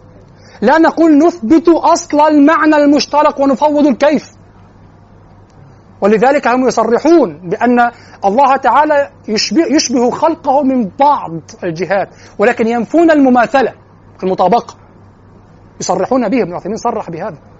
قال ليس كمثله شيء. وقال بالمثل وليس من الناس التشبيه. كفل التشبيه لمطلق التشبيه. واضح؟ قال نفى المثيل. لا نفى الشبه بالمثيل. ليس كمثله شيء. ليس كمثله شيء. واضح؟ مش واضح؟ ها؟ يعني حينما أقول حينما أقول ثلاثة قروء المطلقات يتربصن بثلاثه قروء بعضهم فسر بالط- بالطهر كالحنفيه وبالحيض الحنفية والشافعية فسروه بالطهر. خلاص؟ ما العلاقة بين الطهر والحيض في القرء من هذا المعنى؟ اشتراك لفظي. هل هناك اتفاق في الحقيقة واختلاف في الكيفية؟ لا. حتى لو كانت هناك أصول لغوية هذه لا ليست واردة في هذه الطبقة من الاستعمال. لكن كلمة قرء استعملت استعمالا مستقلا في ال- الطهر واستعمالا مستقلا في الحيض ولهذا وقع الخلاف بين آه، وقع الخلاف في مسائل ال- الأصوليين ومسائل آه، فقهاء اللغة في تراه في المزهر مثلا وكذا المشترك اللفظي. وضع وضعا واحدا لكل معانيه مرة واحدة. إذا قلنا إن الوضع هو الله وضع وضعا واحدا لكل المعاني أم وضع لكل معنى وضعا جديدا. يعني الله أنزل لفظ القرء مرة للحيض ومرة للطهر أم أنزل القرء مرة واحدة للحيض والطهر وقال استعم... استعم... استعملوا. هذه اللفظة في المعنيين استعمالا مستقلا واضح؟ فنحن حينما نقول السمع والبصر اشتراك لفظي فقط. اشتراك في اللفظ فقط. ليس في أصل طب وما إذا ما هو السمع عندك؟ صفة ملكة في ذات الله أو صفة هيئة في ذات الله صفة كامنة في ذات الله. يد ما هي الصفة لا ندري. هي في جهلنا بكنهها تابعة لذات الله سبحانه وتعالى. تنكشف بها ما يسمع ينكشف بها ما يسمع وما يبصر. ولهذا هناك تعبير آخر لأهل السنة أيضا. يقولون ليس السمع والبصر. يدخلون ذلك ربما في صفة واحدة أو في العلم. ويقولون هي صفة واحدة. بما أنها صفة تنكشف بها الكل كل الأشياء فالانكشاف في حق الله كله واحد فهي صفة. فلا نقول سمع وبصر هكذا أو هي صفة واحدة في النهاية ليست صفتان ليست صفتين. فيأتي الآخرون ويقول انظر اختلفوا في العقيدة. شفت لما بيقول لك كده سفر الحوالي في كتاب حوار اسمه إيه؟ حاجة في الأشاعرة منهج الأشاعرة أو كذا منهج الأشاعرة في العقيدة. أو ألف كتاب يقول لك اختلفوا في العقائد. هذا هو الخلاف الذي قلته قلته الآن. اختلاف في التعبير.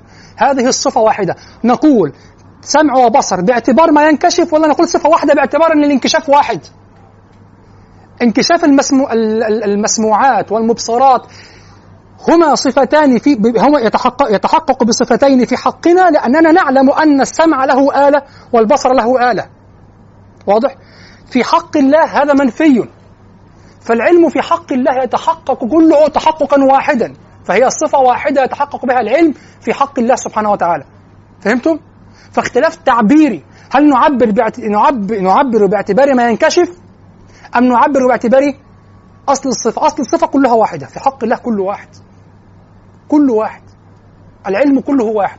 علم بالسمع علم بالب... علم بما ينكشف علم بما ينكشف في حقنا بالسمع علم بما ينكشف في حقنا بالبصر علم بأي شيء. هو في حق الله. علم واحد. كل ما يحدث وينكشف هو في حق الله صفة واحدة. أم نعبر باعتبار ما نفهم نحن؟ المسموعات والمبصرات. يقول خلاف. اختلفوا في العقيدة. اختلفوا في الصفات. ده اختلاف في الصفات. بيفهموش؟ فعلا ما بيفهموش. عندهم إشكالية كبيرة جدا ما بيفهموش. عايز تشوف ال ال بشكك في موضوع الفهم. آه طيب هو في أمر عايز أنبه بس ليه بمناسبه الورود للأمر ده. أكمل فقط الباب. قلت واعلم أن مذهب عامة السلف التفويض. أن مذهب عامة السلف يعني أكثر السلف التفويض. وهو مذهب الحنابلة. ليس كما يقول المجسمة أن مذهبهم الإثبات على مذهبه. ويقولون هم يثبتون. هكذا يقول لك الحنابلة وأحمد بن حنبل على مذهبنا أحمد بن حنبل رضي الله عنه من أهل السنة مفوض. مفوض. والحنابلة الذين ورثوا اعتقاده وورثوا فقهه مفوضة كذلك. يعني من أهل السنة.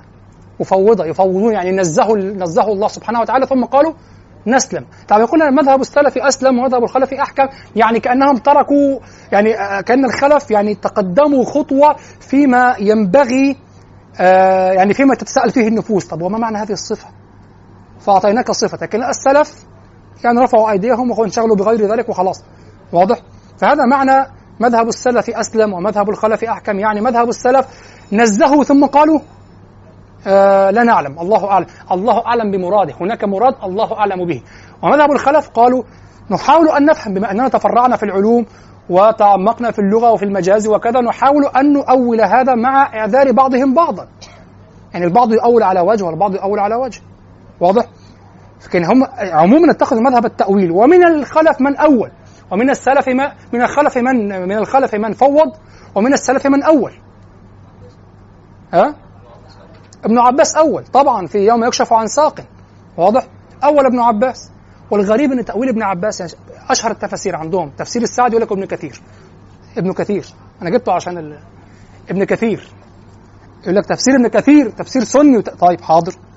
حاضر. بيقولوا يعني ابن كثير نفسه قال أنا أشعري. قال كده. ابن كثير قال أنا أشعري. قال هكذا. لا. أنت سني طيب. شوف. آه.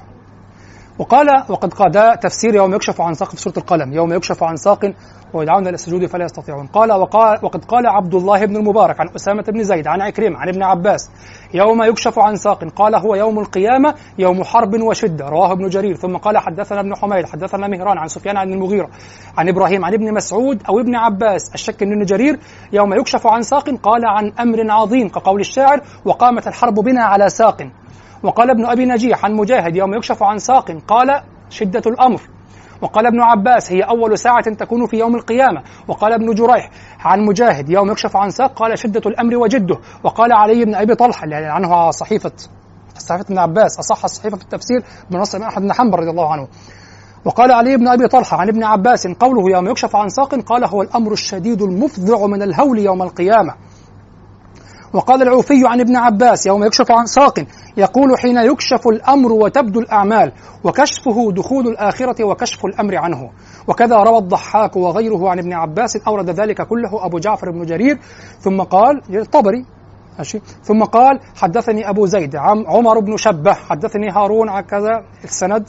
ثم قال آه ثم آه عن النبي صلى الله عليه وسلم قال يوم يكشف عن ساق قال عن نور عظيم يخرون له سجدا ورواه أبو يعلى عن القاسم بن يحيى عن الوليد بن مسلم به. وفيه رجل مبهم فالله أعلم. كذا يقول ابن كثير. طيب هذا تأويل ولا مش تأويل؟ طب فين؟ هم بيقولوا صح حقيقية بالمناسبة. إن هم بيقولوا الله افتح كده تفسير آه ها؟ افتح تفسير افتح تفسير السعدي اللي هو معتمد عندنا المبتدئين. تفسير السعدي قال ساق حقيقيه يكشفها الله ساق تليق بجلاله يكشفها الله تعالى لهم فيخرون سجدا. ابن عباس اهو يا جماعة ده ابن كثير والله اهو. ده ابن كثير. ده ابن كثير. تحقيق مصطفى سعيد الخن عشان تعرف النسخة. بتاعت المسلسل الرسالة. تفسير سورة القلم نفس الصورة على فكرة. هتلاقوا في كل التفاسير نفس الصورة. ابن كثير أنا قرأت ابن ابن كثير. تأويل. طيب. ده كتاب آه المفردات في غريب القرآن للراغب الأصبهاني من أفضل الكتب في تفسير غريب القرآن. بيحاول يحاول أن يرجع إلى معنى يكشف عن ساق. هذا المثل من أين جاء عند العرب؟ قال يوم يكشف عن ساق من قولهم كشفت الحرب عن ساقها. وقال بعضهم في قوله تعالى يوم يكشف عن ساق إنه إشارة إلى شدة وهو أن يموت. شوف وهو أن يموت الولد في بطن الناق. هو يحاول أن يحلل من أين جاء أصل المثل عند العرب. وبلسان عربي مبين المصحف. وهو أن يموت الولد في بطن الناقة. فيدخل المذمر أو المذم المذمر يده في رحمها. فيأخذ بساقه فيخرجه ميتا. قال فهذا هو الكشف عن الساق. فجعل لكل أمر فظيع ده الراغب الأصفهاني ولا كما يقولون جمهور الأمة ضل حتى أهل اللغة. طيب. آه هناك آه طيب نقرأ. واعلم أن مذهب عامة السلف التفويض ولكن منهم من أول كما نقل عن علي وابن مسعود وابن عباس رضي الله عنهم. ها والتأويل هو مذهب عامة المتأخرين. ومنهم من فوض فهو مذهب التنزيه. مذهب التفويض والتأويل مذهب التنزيه. فهو مذهب التنزيه يسلك فيه مسلك التفويض والتأويل. وجميعهم لا يثبتون الظواهر المقتضية للتشبيه. جميعهم لا يثبتون الظواهر المقتضية للتشبيه. طيب يشككون في مذهب السلف ويقولون لا هم يثبتون لا يفوضون. طيب في ده كتاب لأخونا الكبير الفاضل الدكتور سيف سيف علي العصري تعرفوه؟ دكتور سيف علي العصري. ده من اليمن الأصل الإمارات الإقامة الروسي الإقامة حاليا أو الشيشاني الإقامة حاليا. يكون في الشيشان حاليا خرج من الإمارات يعني. له كتاب اسمه القول التمام بإثبات التفويض مذهبا للسلف الكرام. القول التمام بإثبات التفويض مذهبا للسلف الكرام. لأن السلفية تشكك في أن التفويض هو مذهب السلف ومذهب أحمد. واضح؟ فهو ألف هذا الكتاب في دار الفتح وأنا آسف هيبقى غالي جدا طبعا. أنا جايبه من سنوات غالي جدا. دلوقتي ممكن يوصل 400 500 تقريبا. للأسف يعني. طيب آه القول التمام بإثبات التفويض مذهبا للسلف الكرام. أنصح بقراءته. المفوضة أو الحنابلة عموما مفوضة. السلفية الآن تحاول إثبات المفوضة أو الحنابلة آه مثبتة على طريقتهم يعني مجسمة أو مشبهة مثبتة للأصل المعنى الحقيقي. هذا كتاب شرح لمعة الاعتقاد أو كتاب لمعة الاعتقاد الهادي سبيل الرشاد للإمام موفق الدين بن قدامة المقدسي متوفى سنة 500 آه آه سنة 620 توفى سنة 620 ابن قدامة المقدسي المعروف موفق ابن قدامة من رؤوس الحنابلة وفقهاء وعلماء الحنابلة. له كتاب لمعة الاعتقاد. طيب. أقرأ لكم من كلامه. وانظروا كيف تم تفسيره. شوف. آه شوف.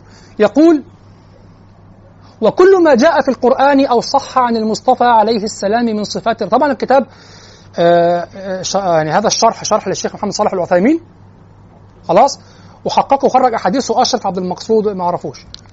وكل ما جاء في القرآن أو صح عن المصطفى عليه السلام من صفات من صفات الرحمن وجب الإيمان به وتلقيه بالتسليم والقبول. في إشكال؟ طيب. وترك التعرض له بالرد لا ترده. والتأويل والتشبيه والتمثيل. وما أشكل من ذلك وجب إثباته لفظا. وترك التعرض لمعناه لفظا يعني لا ترك التعرض لمعناه ونرد علمه إلى قائله. يعني لا نتعرض لتفسير معناه لكن له معنى. الله لا ينزل لفظا بدون معنى لكن الله أعلم بمراده وهذا من المشتبهات أو المتشابهات. طيب ونرد علمه إلى قائله ونجعل عهدته على ناقله اتباعا لطريقة الراسخين في العلم الذين أثنى الله عليهم في كتابه المبين بقوله سبحانه وتعالى والراسخون في العلم يقولون آمنا به كل من عند ربنا. المعلق. طبعا ده كلام الشيخ محمد بن إبراهيم آل الشيخ حفيد بن عبد الوهاب. ماشي؟ يقول في قوله وجب الإيمان به لفظا وأما كلام صاحب اللمعة فهذه الكلمة مما لوحظ في هذه العقيدة. عقيدة يعني هذا الكتاب في العقيدة. مما لوحظ في هذه العقيدة وقد لوحظ فيها عدة كلمات أخذت على المصنف. إذ لا يخفى أن مذهب أهل السنة والجماعة هو الإيمان بما ثبت في الكتاب والسنة من أسماء الله وصفاته لفظا ومعنى. ما هو آمن معنى قال نرد علمه إلى قائله. صح؟ في معنى بيثبته. أنت عايز يثبت المعنى اللي أنت شايفه يليق هو لا يراه يليق. يعني أنت مشبه دي حقيقة. طيب.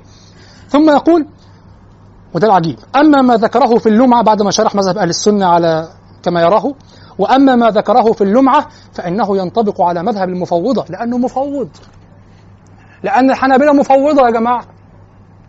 قال وأم أما ما ذكره في اللمعة اللي هو ابن قدامة المقدسي أما ما ذكره في اللمعة فإنه ينطبق على مذهب المفوضة وهو من شر المذاهب وأخبثها. والمصنف رحمه بص شوف شوف التبرئة بقى. بما إنه من شر المذاهب وأخبثها بس كلامه بينطبق على مذهب المفوضة وهو من شر المذاهب أنا بص تركيبة العقل غريبة وهو من شر المذاهب وأخبثها والمصنف رحمه الله إمام في السنة. وهو أبعد الناس عن مذهب المفوضة وغيرهم من المبتدعة والله أعلم. أنت قايل أما ما ذكر فإنه ينطبق على مذهب المفوضة يا جماعة. أنت بتحسن الظن ليه كده؟ مش فاهم. أنت أي حد غيرك وحش؟ يمكن أنت اللي وحش. واضح؟ طيب ده بس شوف لمحة وتعريج على آه، طريقتهم. يعني في التفكير شوف هنا برضو. آه شوف ونقول ونقول هو ابن قدامة يقول ونقول كما قال. ونصف بما وصف به نفسه لن نتعدى ذلك.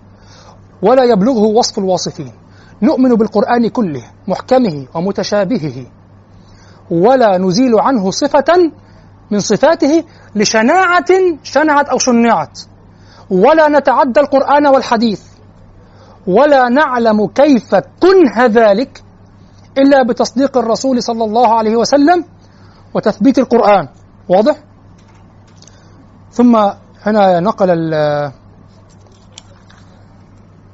صاحب الكلام نقل قال قال الشيخ محمد صالح العثيمين في فتح البرية في تلخيص الحموية المعنى الذي نفاه الإمام أحمد في كلامه هو المعنى الذي لماذا يعني؟ هو المعنى الذي ابتكره المعطلة من الجهمية وغيرهم وصرفوا به نصوص الكتاب والسنة عن ظاهرها إلى معاني تخالفه ويدل على ما ذكرنا أنه نفى المعنى ونفى الكيفية ليتضمن كلامه الرد على كلتا الطائفتين المتدعتين طائفة المعطلة وطائفة المشبهة لا ليه؟ نفى المعنى نفى المعنى ليس إثبات للمعنى بكي نفى المعنى الذي هو أصل المعنى لأن المعنى في ذاته يقتضي التشبيه دلوقتي في أخونا الشيخ محمد عبد الواحد الأزهري عارفينه؟ محمد عبد الواحد الأزهري عايش في قطر تقريبا.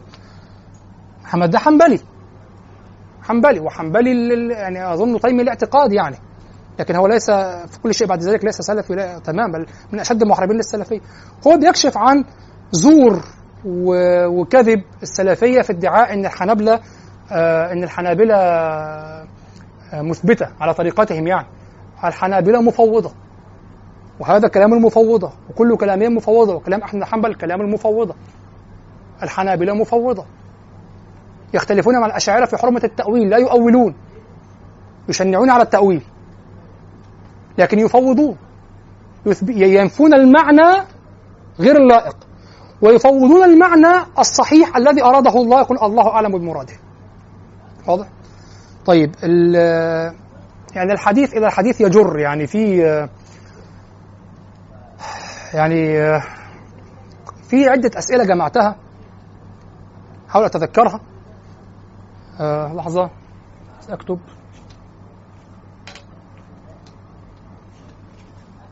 طيب أكتب كده أحاول أتذكر الأسئلة اللي, اللي جات لي.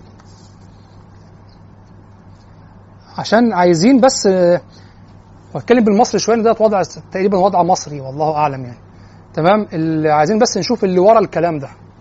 اللي ورا الكلام ده إيه؟ واحد بيعطي سؤال هل أنت ملحد؟ عادي سؤال كده هل أنت ملحد؟ طيب سؤال تاني جالي.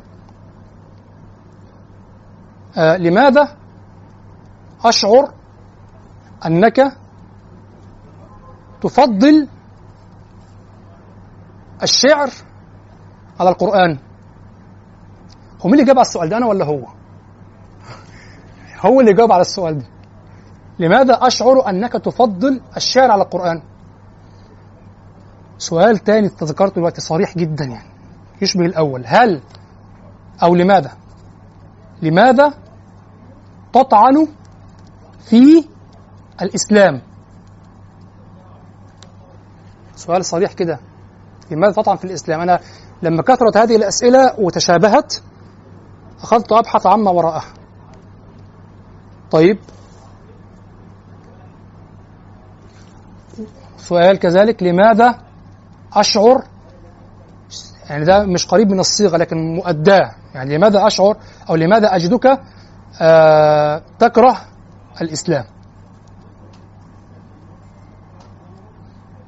طيب. هو ده يعني آه كل الأسئلة دي طبعا أنا مش قضية إن أنا كل سؤال لما جالي تجاهلته في لحظتها وخلاص وحذفته وانتهى الأمر على ذلك. لأن ما بيني وبينهم كما قال ذو الإصبع العدواني الله يعلمني والله يعلمكم والله يغنيني والله يجزيكم عني ويجزيني. الله يعلمني والله يعلمكم والله يجزيكم عني ويجزيني. أنا أعامل الله سبحانه وتعالى فقط ولا أعامل أحدا غيره. أنا لا مخلوق لا لا حد شمال ولا حد يمين ولا طريقة إسلامية وكذا. والسؤال أنا عارف إن السؤال اللي جالي ليه تطعن في الإسلام آه، جاء بعد عدة منشورات أنا آه، يعني آه، نقدت فيها التيارات الإسلامية كلها عموما وأبديت بغضي الواضح الصريح لكل التيارات الإسلامية. أنا أكره التيارات الإسلامية بكل بكل طوائفها بكل طرقها لا أستثني منها طائفة. التيارات بمعنى التجمعات أو الأفكار والتيارات وكذا يعني أنا لم أجد طائفة فعلا إلا ومارست نفس الدناءة السياسية ومارست نفس الأطماع ونفس الكذب ونفس التعريض ونفس كل حاجة مارستها زي ما هي بينهم وبين بعض وفضلوا نفسهم على غيرهم وكذبوا وقلوا مرؤتهم وكل شيء. محدش فيهم فضل فاكر إن هو المفروض متدين يعني. في الآخر التدين ده التعامل مع الله سبحانه وتعالى في بيتك. أنا أعتقد ذلك. أنت تدينك ده شخصي. خلاص؟ في الآخر أنا لا أقيم وزنا لا للمجتمع ولا للناس ولا الطوائف ولا للشيوخ ولا المؤسسات ولا لأي حد. أنا أقول ما أراه. تحاسبني على كلامي وبس. فأقول لهم كما قال ذو الإصبع الله يعلمني والله يعلمكم والله يجزيكم عني ويجزيني لكن آه، كذلك ورد حصل اللي نبهني بقى للأمر إن أنا لازم أدور التشابه اللي حصل. في مرة كتبت كتبت آه، إذا غصت كنت احض على الغوص في كلام العرب وكده فقلت إذا غصت في كلام أو في أشعار الجاهليين وتعمقت فيها سيتنزل عليك القرآن من جديد. أنتوا وامهاتكم في البيت وابهاتكم واولادكم واخواتكم فهمتوا إيه من الكلام؟ ده بالله. أنتوا أنتوا من حقكم تتكلموا بلسان اللي في البيت. فهمنا إن هتفهم القرآن من جديد كأنه بيتنزل عليك ستكون في مقام من يتنزل عليهم من أهل اللغة. هو ده عايز شرح؟ إحنا المفروض نشرح فيه أحيانا المجاز بيشرح بيشرح الحقيقة. من كتر وضوح المجاز. سيتنزل عليك القرآن. فواحد بعت لي السؤال بالضبط كده. تقصد أنك ستفهمه من جديد كما فهمه الأوائل ليس كذلك ليس أنه ينزل عليك وحي جديد. فما استحملتش وكيلت له. كيلت. دخلت فيه فعلا شتمته. يعني شتمته بس شتيمه كلمة شتيمه مش قصدي بيها يعني. يعني غبي وبتفهمش والحمورية اللي اتربيت عليها والكلام ده ده كل ده قلته له يعني. خلاص؟ هو أنا مش شايفه يستحق غير كده. الوضع يعني لأن هو جاي وشكله عارف جاي منين. تمام؟ فالظاهر بقى استعدى واحد يعني أو يعني جاب واحد بقى إيه، جايب اخوه الكبير يموتك بقى. هجيب لك اخويا الكبير شفت واحد بقى وأول سبحان الله ما أعرفش ليه إحساس ما تبنيش على كلامي حاجة بس إحساس عندي. أول ما بلاقي واحد فيسبوك حاطط صورته كده بتاعت البطاقة وبتاعت الكذا ودقنه عاملة كده ومربعة ومصمم مصمم بيبينها اول مشدوده كده ما مش برتاح. ما بعرفش. اللحية سنة وهدي وكل حاجة بس مش برتاح. الفئة دي ما برتاحش ما أعرفش. أو بعرف الفئة. جاي يقول لي أنت قد جلبت التهمة لنفسك. قل كلاما واضحا لا تتهم به خاصة في هذه الأمور لا تتعلق بالقرآن والعقيدة. اتهم به؟ قلت يعني لما تدرس لغة لما تغوص في كلام العرب سيتنزل عليك القرآن من جديد. أنا أتهم بالكلام ده؟ فطبعا جبت اللي كي الكيلة بتاعت الأولاني ضاعفتها وقمت مديها له. بس قعدت أفكر بعد كده الفكر ده جاي منين؟ ودي نقطة مهمة جدا لازم تفهموها عشان تفهموا القضية دي جاية منين. واظن أنا قلت كذا مرة أنا لا بنتسب لحد ولا بولي حد ولا تبع حد في سياسة ولا غير سياسة ولا ما أعرفش إيه. فآرائي اللي بقولها كلامي اللي بقوله ولا حد مالي دماغي فيه ولا شيء. ده أنا بقوله من نظري تمام؟ ولا أنا محبوب عند حد ولا عند أي جهة عشان يبقى أكون بحبيها ولا بتكسب منها ولا بتطبطب عليا ومحدش بيطبطب عليا خالص.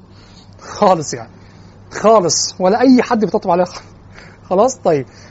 لكن خلينا أجيب من الآخر خالص الفكر القبيح الفكر القبيح ال- ال- الدنيء الفكر الغبي اللي هو الفكر اللي بيسموه الداعشي.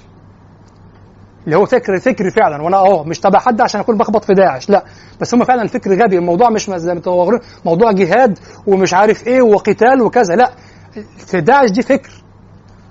غباء تطاول تفاهة سرعة تكفير سرعة اراقه دماء تطول يعني انت عارفين اعدامه قد إيه من العلماء في البلاد اللي دخلوها؟ عارفين اعدامه قد إيه بالشك وبالظن؟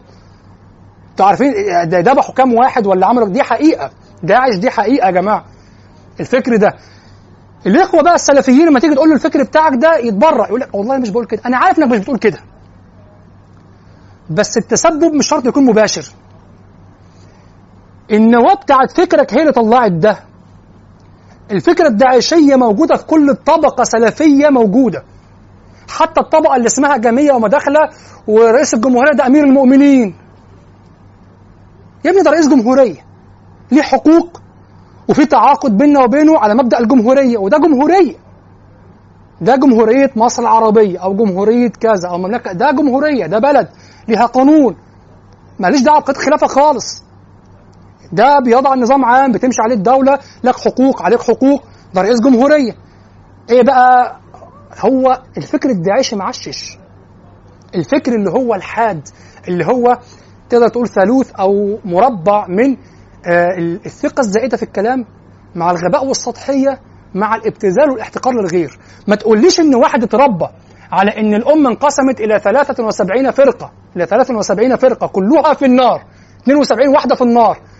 من المسلمين هم يفسرون مسلمين إلا واحدة اللي هو فرقته. أنت مستني دوت ما ينظر ليك إزاي غصب عنه. هينظر ليك إزاي؟ أنت مش من فرقته أنت من الفرقه اللي داخل المنطق كده المنطق. الفرقة محسومه فين؟ 73 كلها في النار ما عدا بتاعته.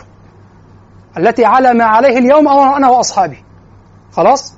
هو وأصحابه على في الجزء من 73 واحد اتربى على كده مستني نفسيته هتقبل تأويل لحد فين؟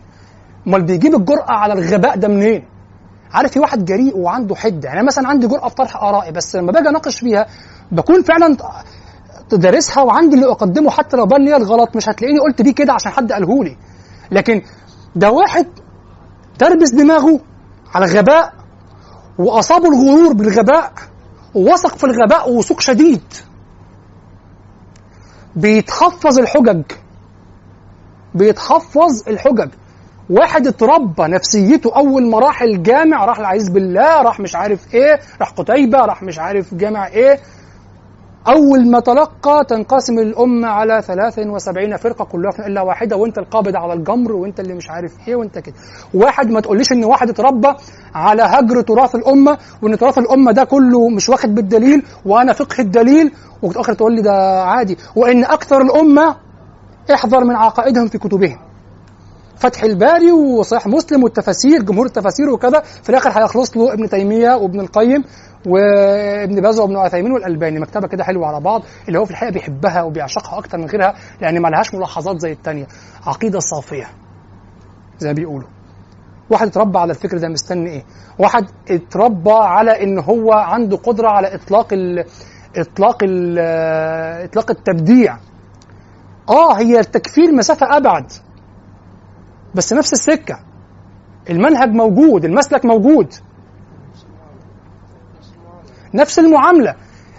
آه واحد عادي جدا شايف إن جمهور الأمة واقع في الشرك الشرك الأكبر لكنها معذورة بالجهل. خير أمة أخرجت للناس وقع في الشرك الأكبر ومعذورة بالجهل. يعني تخيل كده واحد تخيل كده الأئمة الكبار عندهم أشاعرة عشان معذورين بالجهل. يقول لك اصل اتولد ما لقاش حاجة تانية. كده كان ماشي في الشارع لقى كده شيخ الاسلام زكي الأنصاري ماشي في الشارع لقى كده حاجة في الأرض مكتوب فيها عقيده أهل السنة فآمن بيها. إزاي وأنت بتذمهم في علم الكلام والجدل وبتقول إن هم فحول فيه وده ما ينبغيش؟ إزاي تثبت جهلهم بكده وهم أهل الجدل في نفس الوقت؟ ولا أنت مش فاهم؟ إزاي بترفض فقه المذاهب الأربعة والأئمة الأئمة الأربعة جوه القرون الثلاثة الأولى؟ جوه القرون الثلاثة إيه؟ جوه ال جوه نصهم. أنت متخيل؟ التناقض اللي أنت فيه ده جبته منين؟ إزاي هتأمن لواحد تقول له عكرمة بن أبي جهل رضي الله عنه من الصحابة قبل المصحف؟ وضع على رأس اذا تقبيل المصحف يقول لك سبحان الله. حتى الصحابه ما يسلموش من البدعة سبحان الله. إزاي جايب واحد ممكن يقتنع بقول الألباني في رضاع الكبير وإن الثدي الحلمة الثدي عند المرأة ليست موضع شهوة؟ دي تاني موضع شهوة بعد الفرج تخيل فقيه بيتكلم الكلام ده. وناس مصدقة فقه الألباني أنت متخيل؟ الألباني بيقول برضاع الكبير. يعني الكبير لو رضع من المرأة الكبيرة يحل الدخول عليها. تمام؟ طب يرضع إزاي؟ قال تظهر الح- الحلمة فقط والحلمة ليس- موضع كل حلمة موضع مستقذر وليست موضع شهوة عند المرأة. ده كلام الألباني سمعته بأذني فقيه فين؟ ده لا يعرف الكائن إنسان. عشان يعرف ال- ال- الفقه. سيبك من الألباني شخص فرد انتهى. تخيل في طائفة معاه. في طائفة معاه. تخيل إنه يحمل حديث آه ألا تخشى أن يصورك الله صورا من النار إنه يحرم على المرأة الذهب المحلق. هو في مرأة أصلا ذهب غير محلق أي ذهب اتقفل وعمل حلقة مع وناس معاه. تخيل واحد قادر على الفكر ده ممكن يبقى عامل إزاي؟ ما تقوليش الفكر الداعشي بعيد عن الأفكار دي. ما تقوليش الفكر التكفيري بعيد عن الأفكار دي. الأفكار دي كلها اتجاه واحد. إيه اللي خلى واحد عادي كده بالظبط؟ هل أنت ملحد؟ تخيل. والأخ التاني اللي بيقول لي آه، آه، اللي جاب واحد تاني ده بيقول لي وكان جاي بقى شكله كده بقى إيه مخضرم عندهم. طبعا واضح طبعا يعني أهنته طبعا. لأنه كان يستحق. آه جايبه بيقول لي بيقول لي عادي كان ممكن بمنتهى البساطة تقول له إنما أقصد كذا بس. هو أظن واحد قال لي لا قل آه آه على السؤال ده. قل له لست ملحدا ببساطة ليه تغلط فيه؟ لما اتكلمت على السؤال دوت في مرة وإن و و و ووقعت في عقله وفي شخص اللي سألني السؤال ده هو كان مجهول بالنسبة لي ما اعرفوش يعني. ف... فبيقول لي ممكن من غير ما تغلط فيه قل له لا أنا مسلم بس خلاص. يبقى كده. ببساطة. يعني واحد شايفه في الأزهر وحنفي عشان عشان ينشغل بالشعر ولا عشان كلام مش عاجبك؟ واخد بالك بقى هل أنت ملحد؟ السؤال جاي كده عادي هل أنت ملحد؟ لماذا تطعن في الإسلام؟ لماذا أشعر أنك تفضل الشعر على القرآن؟ إيه ده؟ ليه حاسس آه ليه لماذا أشعر أنك تكره الإسلام؟ لماذا أراك تكره الإسلام؟ حاجة كده سؤال تكره الإسلام و... هو لازم أقعد أمثل عليك وأعمل أنا من طائفة أنا كنت أنا فعلا بتكلم على الطائفه الإسلامية كلها وهي اسمها طائفه إسلامية ما هي اسمها طائفه إسلامية بت- بتنتسب إلى الإسلام وبعضها فيه مراهقة دينية. يعني مراهقة تنتسب إلى ممارسة الدين مش الدين المراهق. واضح؟ فالفكر ده جه منين؟ أنا أتهم بكل وضوح. واقسم الله أقسم أقسم بالله سبحانه وتعالى والله العظيم ولعنة الله علي لو كنت كاذبا إني غير متحامل على السلفية.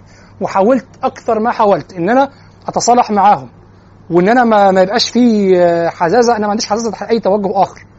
طالما في معاملة حسنة إنما السلفية لم أستطع ان أعمل كده لأن عندهم مشكلة في أخلاقهم في نظرهم لغيرهم. بيبقى لسه امبارح جاي لك عايز يطلب علم على إيدك ويبوس إيدك يا شيخ ويعيط وجاي لي البيت وتاني يوم على الإنترنت يقول لهم إنه أشعري جلد. انت هبل يا ابني كنت جاسوس امبارح ولا بتعمل إيه؟ يعني كنت جاسوس؟ وأكت وأكتر طائفة ممكن تستحل الطعن في الظهر وفي بعضهم بالمناسبة. اوعى تفكروا طوائفهم ديت آه، ده بينهم اللي أكتر اللي مش بينك وبين غيرك أصلا اللي مش بينه وبينك. بينهم أشد. بيوصلوا لمرحلة تكفير بعض وتبديع بعض. جواهم تخيل جوه السلفية في قسمين اسمهم خوارج ومرجئة. متخيلين؟ جواهم خوارج ومرجئة على تسميتهم هم في بعض يعني. فناس بتاكل في بعض وبتحط أفكار الأكل في بعض. ناس رؤوسهم مرجعياتهم مش اللي ينفع. شوف شوف مصدر الثقة. عايز تثق بس شوف الكلام. ده كتاب الدر النضيد على أبواب التوحيد للشيخ العلامة مكتوب تاليف العلامة الشيخ سليمان بن عبد الرحمن الحمدان أو الحمدان ما أعرفش الفتحه على الدال ولا على اعتنى به عبد الإله بن عثمان الشايع دار الصميعي. عنوان أو تصنيف الرسالة فوق رقم واحد من مجموع مؤلفات ورسائل الشيخ سليمان بن حمدان. خلاص؟ الدور النضيد على كتاب التوحيد. كتاب التوحيد معروف. الدر النضيد على أبواب التوحيد. دار الصميعي للنشر والتوزيع. دار السعودية معروفه صفحة 77 بص. شوف شوف العقلية. سيبك من الجهل بطب بتاع الكلام ده. مات إمتى الراجل ده؟ توفي سنة 1397 إحنا 1400 كام دلوقتي؟ كام 39 ك- 39 قول 40 حط عليهم ثلاثة يعني 42 سنة ميت. آه كام 42 سنة ميت. يعني قريب. 42 سنة. 1300 1397 ها؟ في السبعينات صح؟ مات في السبعينات. طيب يعني راجل حديث جدا يعني مش مش زمان ولا أول الدولة السعودية ولا بتاع. بص ومنه التطعيم الذي يس... ده, كتاب. أنا قلت البيانات صح؟ قلت لكم البيانات؟ ما ألفتوش. روحوا راجعوه الدر النضيد على أبواب التوحيد دار الصماع النشر والتوزيع تأليف العلامة الشيخ سليمان بن عبد الرحمن الحمدان توفي سنة 1897 رحمه الله. خلاص صفحة 77 ومنه التطعيم الذي يستعمل لبعض الأمراض كالجدري والكوليرا وغيرهما لدفعهما كي لا تقع. فيجب النهي عن ذلك كله لأنه من أنواع الشرك الأصغر الاعتقادي وهو أكبر من الكبائر. بدون تميمة دي عقليات الناس اللي السلفية بيقولوا إحنا شيوخنا في نجد إحنا شيوخنا في السعودية. أدي شيوخ السعودية. ومنه التطعيم. أنا بقى أنا بس عايز أنا بستعمل ده جسر العبور لحاجة تانية. إنك لما تصل للتكفير ما تتبرأش منه. ما تتبرأش من الطائفة اللي انت اللي, اللي أنت عملتها. يجي السلفي يقول لك لا أنا أنا مالي أنا ما كفرتش. يا حبيبي أنت سلم. ما فيش فكر غيرك بيعمل كده. ما فيش فكر غيرك بيعمل. أنا مالي باللي يشك في إيمانك ده. أعوذ بالله. ما أنت اللي هيأت له جو أنت صنعت منهج أشمل من إنك تت- تتسبب أشمل من إنك تكون سبب تقول قلت كده. ما قلتش كده. اديته أدوات اتطورت. استعملها. أهو. العقلية دي عقليه شيوخهم وهتلاقي ناس هنا ممكن ما يتعاموش بسبب كده. بس مش بيجيبوا شغل بيجيبوا شغل المخ. مش شغل الأطفال بيجيبوا شغل المخ.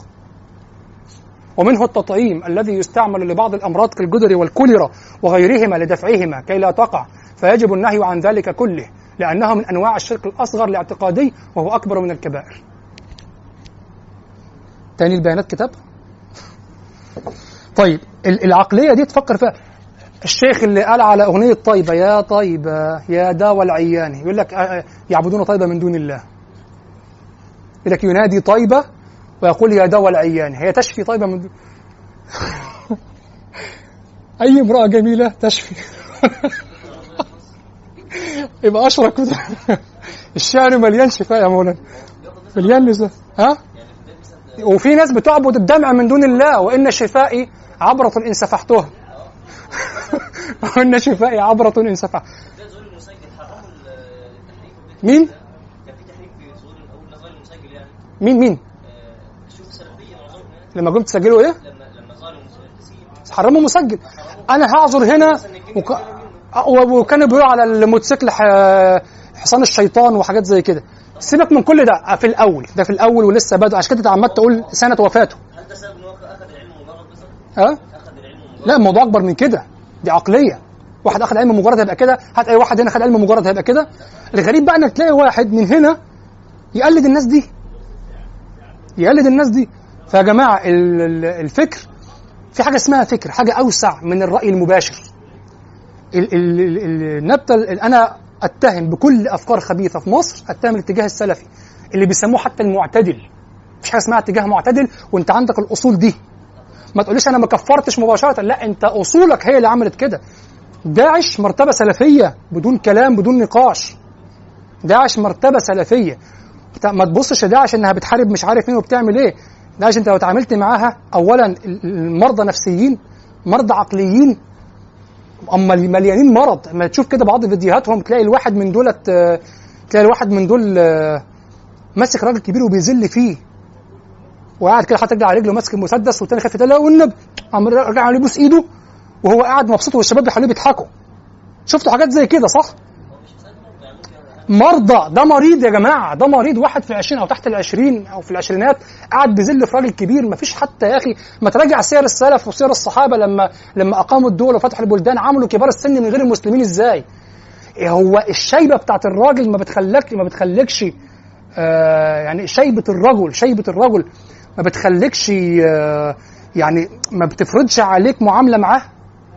شيبه الرجل مهما كان اعتقاده هو إيه ولا شيبة الراجل يا جماعة ليها هيبة لوحدها السن. في في سلطة للسن. في سلطة للسن. ده ده القذر ده قاعد حاطط رجل على رجل كده وده قاعد يقول له إيه؟ قول لي ويعني عايز يخلص مش عارف يقول لهم إيه. واضح إن زي بتوع الصعيد النبي اسمه إيه؟ اسمه محمد. محمد. ماشي طب ومحمد إيه؟ بس هو محمد النبي. ماشي طبعا ده بالنسبة له ما يعرفش من هو رسوله صلى الله عليه وسلم. فده قاعد كده قام حب يخوف طلع مصاد السن اتخض قعد يبوس ايده وعمالين يضحكوا بقى كلهم وبتاع. هو بقى بيبان إنه رحيم يعني مش هيموته إنه يداعبه. إنه يداعبه. واخد بالك؟ دي طائفة قذرة جدا. طائفة قذرة. خارجة من فكر قذر هو الفكر السلفي. ودي حقيقة. فكر سريع الاتهام للغير بغض النظر. هاتوا حد بص للسلفي اللي على الطرف الثاني السلفي اللي ما اللي شغال في سياسة ومع كل حاجة بيتعامل بنفس الفكر يا جماعة. بنفس الحدية الغبية مش حدية بس ممكن تبقى حد وتبقى واضح جدا بس حد غبي حد سريع حد سريع حد غبي واثق ومغرور في غبائه في سطحيته. يعني هو كده هيجي يقول لك كده إيه؟ آه ده شرك. في إيه يا عم. طبعا شرك. ألست مش عارف إيه؟ آه طيب يا دول العيال أل- أل- ألم مش عارف ألم يعتبرها كذا؟ اللي س... الكلام اللي سجلته اللي بيرد اللي بيقول على صاحب البورد إنه أشرك. أنا بقول شرك. ولا حد رد رد علمي. إلا واحد مسك نفسه وهدي كتب كلام طويل عشان ما بقاش بس سبته اضطريت أرد عليه جبت كلامه كلامه كله شقلمه رديت عليه ما تردش رد علمي بعد كده. قعد يعمل لايكات بقى أنت اللي رديت أنت كلامه قعد يتكلم كلام عارف أنت اللي يتكلم كلام هدوء ويجيب كلام شبه الكلام العلمي. وأقول أنا صبرت عليه وقمت ربطت له كل قلت له بص كل حبل من حبال كلامك مش مربوطة. خلاص انت جبت كلام شبه الكلام ركبته بس كده. الباقي كله داخل شتيمة. دعوكم من هذا الأديب دعوكم من هذا الشاعر وخذوا علمكم من العلماء. له انت بتقلد يعني في عقيدتك. نأخذ بكلامك أم بكلام علماء العقيدة؟ يعني انت أثبتت العلم العقيدة ثم تاخذ منهم؟ لا يا حبيبي صدقك وهو كذوب يا عم. يعني انت بتنظر للعمل نفسه. واضح؟ مقلدين. ويذم التقليد. فعلا قادر يجمع بين كل حاجة والعكس. واحد متناقض مع نفسه بشكل غريب. واحد قادر يقتنع إن أمته خير أمة أخرجت للناس و72 جزء من 73 في النار. وهي خير أمة. بعضهم بيقول جمهور الأمة فعلا ضالين.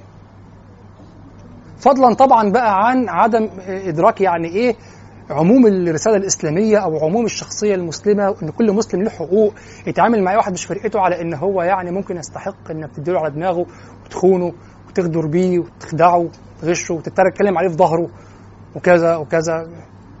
زائد إن هم من أكثر الناس اللي أنتجت يعني ما يسمى ب- بغيبة الفقهاء يعني. تجد واحد قاعد معاك يجيب سيرة واحد والله الله يهديه. بس لما احتضنوا على طول وربنا يصلح حالنا وحاله. معروف هو وصل إيه؟ وصلت لي إنه مش مستقيم. كأنك قلت بالظبط ليس مستقيم وكذا. أنا اللي بيعمل معايا كده وبيتكلم على حد بقول له اغتبته وبعنفه واغتبته أنت بتستعبط. كان الإمام الزول النووي أو الغزالي النووي آه النووي رحمه الله ورضي عنه يقول لك هذه غيبة الفقهاء. يقول لك هداه الله.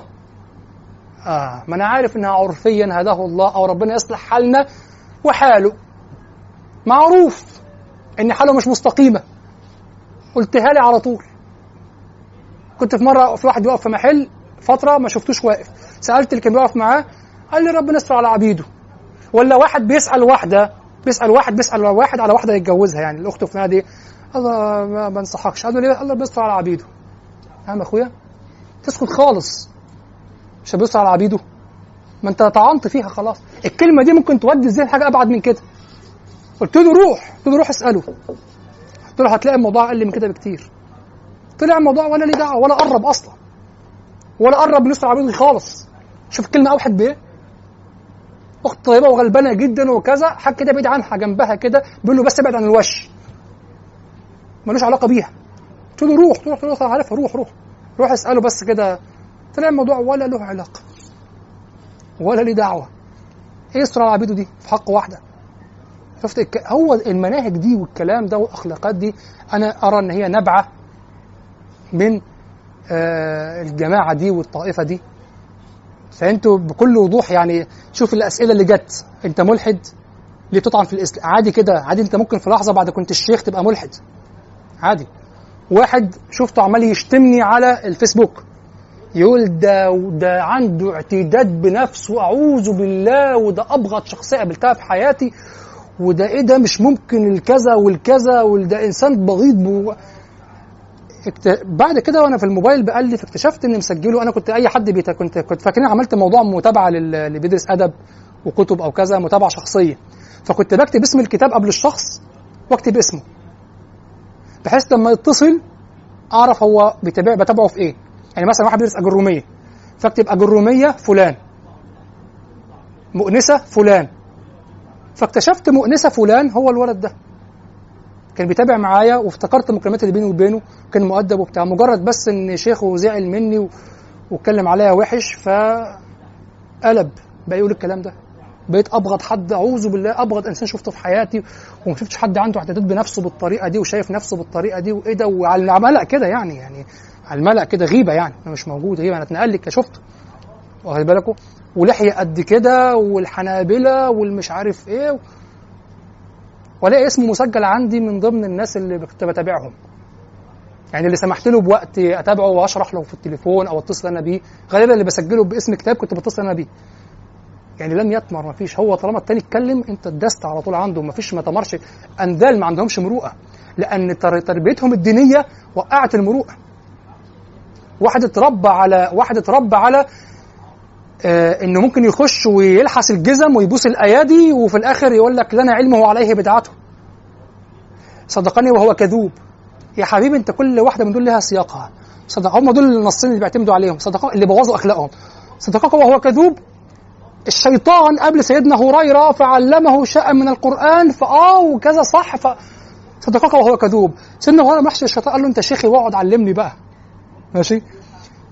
الكلام الحديث لنا علمه عليه بدعته. دي كلمة قالها الرواة في معرض السؤال في عصر الرواية عن اللي بيجلسوا يرووا للناس مش طلب مشيخة واتباع ويفضل ماشي معاه بيتعلم من علمه وفضله واخلاقه وتربية. لا بيقعدوا يلق- يلقوا الكلام على الناس.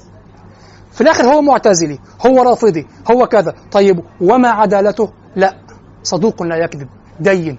لنا علمه. وعليه بدعته. مين اللي ينطبق على الكلام دلوقتي؟ أستاذ الجامعة. يهودي. إيه حالته؟ بيكذب في علمه؟ لا. لنا علمه وعليه كفر. تتقال هنا. ما تتقالش في جم... مسألة التلمذة يا جماعة. ما لنا علمه وعليه بدعته. كان بيتقال في حق كتير. يجي واحد صغنن كده وبالذات اللي هو لحيته لسه خفيفة كده اللي هو إيه صغير ده. ده متشرب لسه كل القرف بتاعه. يجي كده وشيخنا وفي الآخر لنا علمه وعليه بدعته. بيقول انت مش واحد في مرة تقول له يا ابني مش عشان عندك كذا. طب يا شيخ انت راجل فاضل أيوه أنا خلاص. خلصنا مش مش أنا مبتدع يا ابني ومش قادر يقول لا آه أو لا. مش عارف يدين نفسه. انت ليه مش متصالح مع نفسك؟ صدقني لو عرفت انك صادق وانك راجل فعلا ممكن أعديها لك. مش هقبل انك تكون تلميذ طبعا وانت شايفني حاجة وحشة. لكن ممكن أعديها لك. خليك تستفيد من بعيد؟ لأن مش هقبل مش هستحمل أشوف حد عايز يستفيد وهيستفيد فعلا وأسيبها. أسيبه. مو بالعكس ممكن ده اللي يعدله بعد كده. وممكن أقبلك قريب مش مشكلة لو أنت أخلاقك كويسة بس مبقاش من طريق الكذب. وغالبا مش هينفع يعني أنا شافك ضال وبيضحك لك فدي مش هتنفع يعني. واخد بالك؟ لكن من بعيد لبعيد ممكن أفيده. مش همنعها عنه يعني. لكن إنك تمارس الخبث دوت والدناءة ديت وتكون تكون مفضل الطائفه بتاعتك على أستاذك أو كذا وأنت شايفه ان هو وحش وشايفه إن هو كذا. ده يعني أنا عارف إن أنا طولت في الكلام لكن دي كلمة لازم أنبه عليها. يعني هو جر ليها الكلام ده؟ هُوَ الَّذِي بَعَثَ فِي الْأُمِّيِّينَ رَسُولًا مِّنْهُمْ يَتْلُو عَلَيْهِمْ آيَاتِهِ وَيُزَكِّيهِمْ وَيُعَلِّمُهُمُ الْكِتَابَ وَالْحِكْمَةَ وَإِن كَانُوا مِن قَبْلُ لَفِي ضَلَالٍ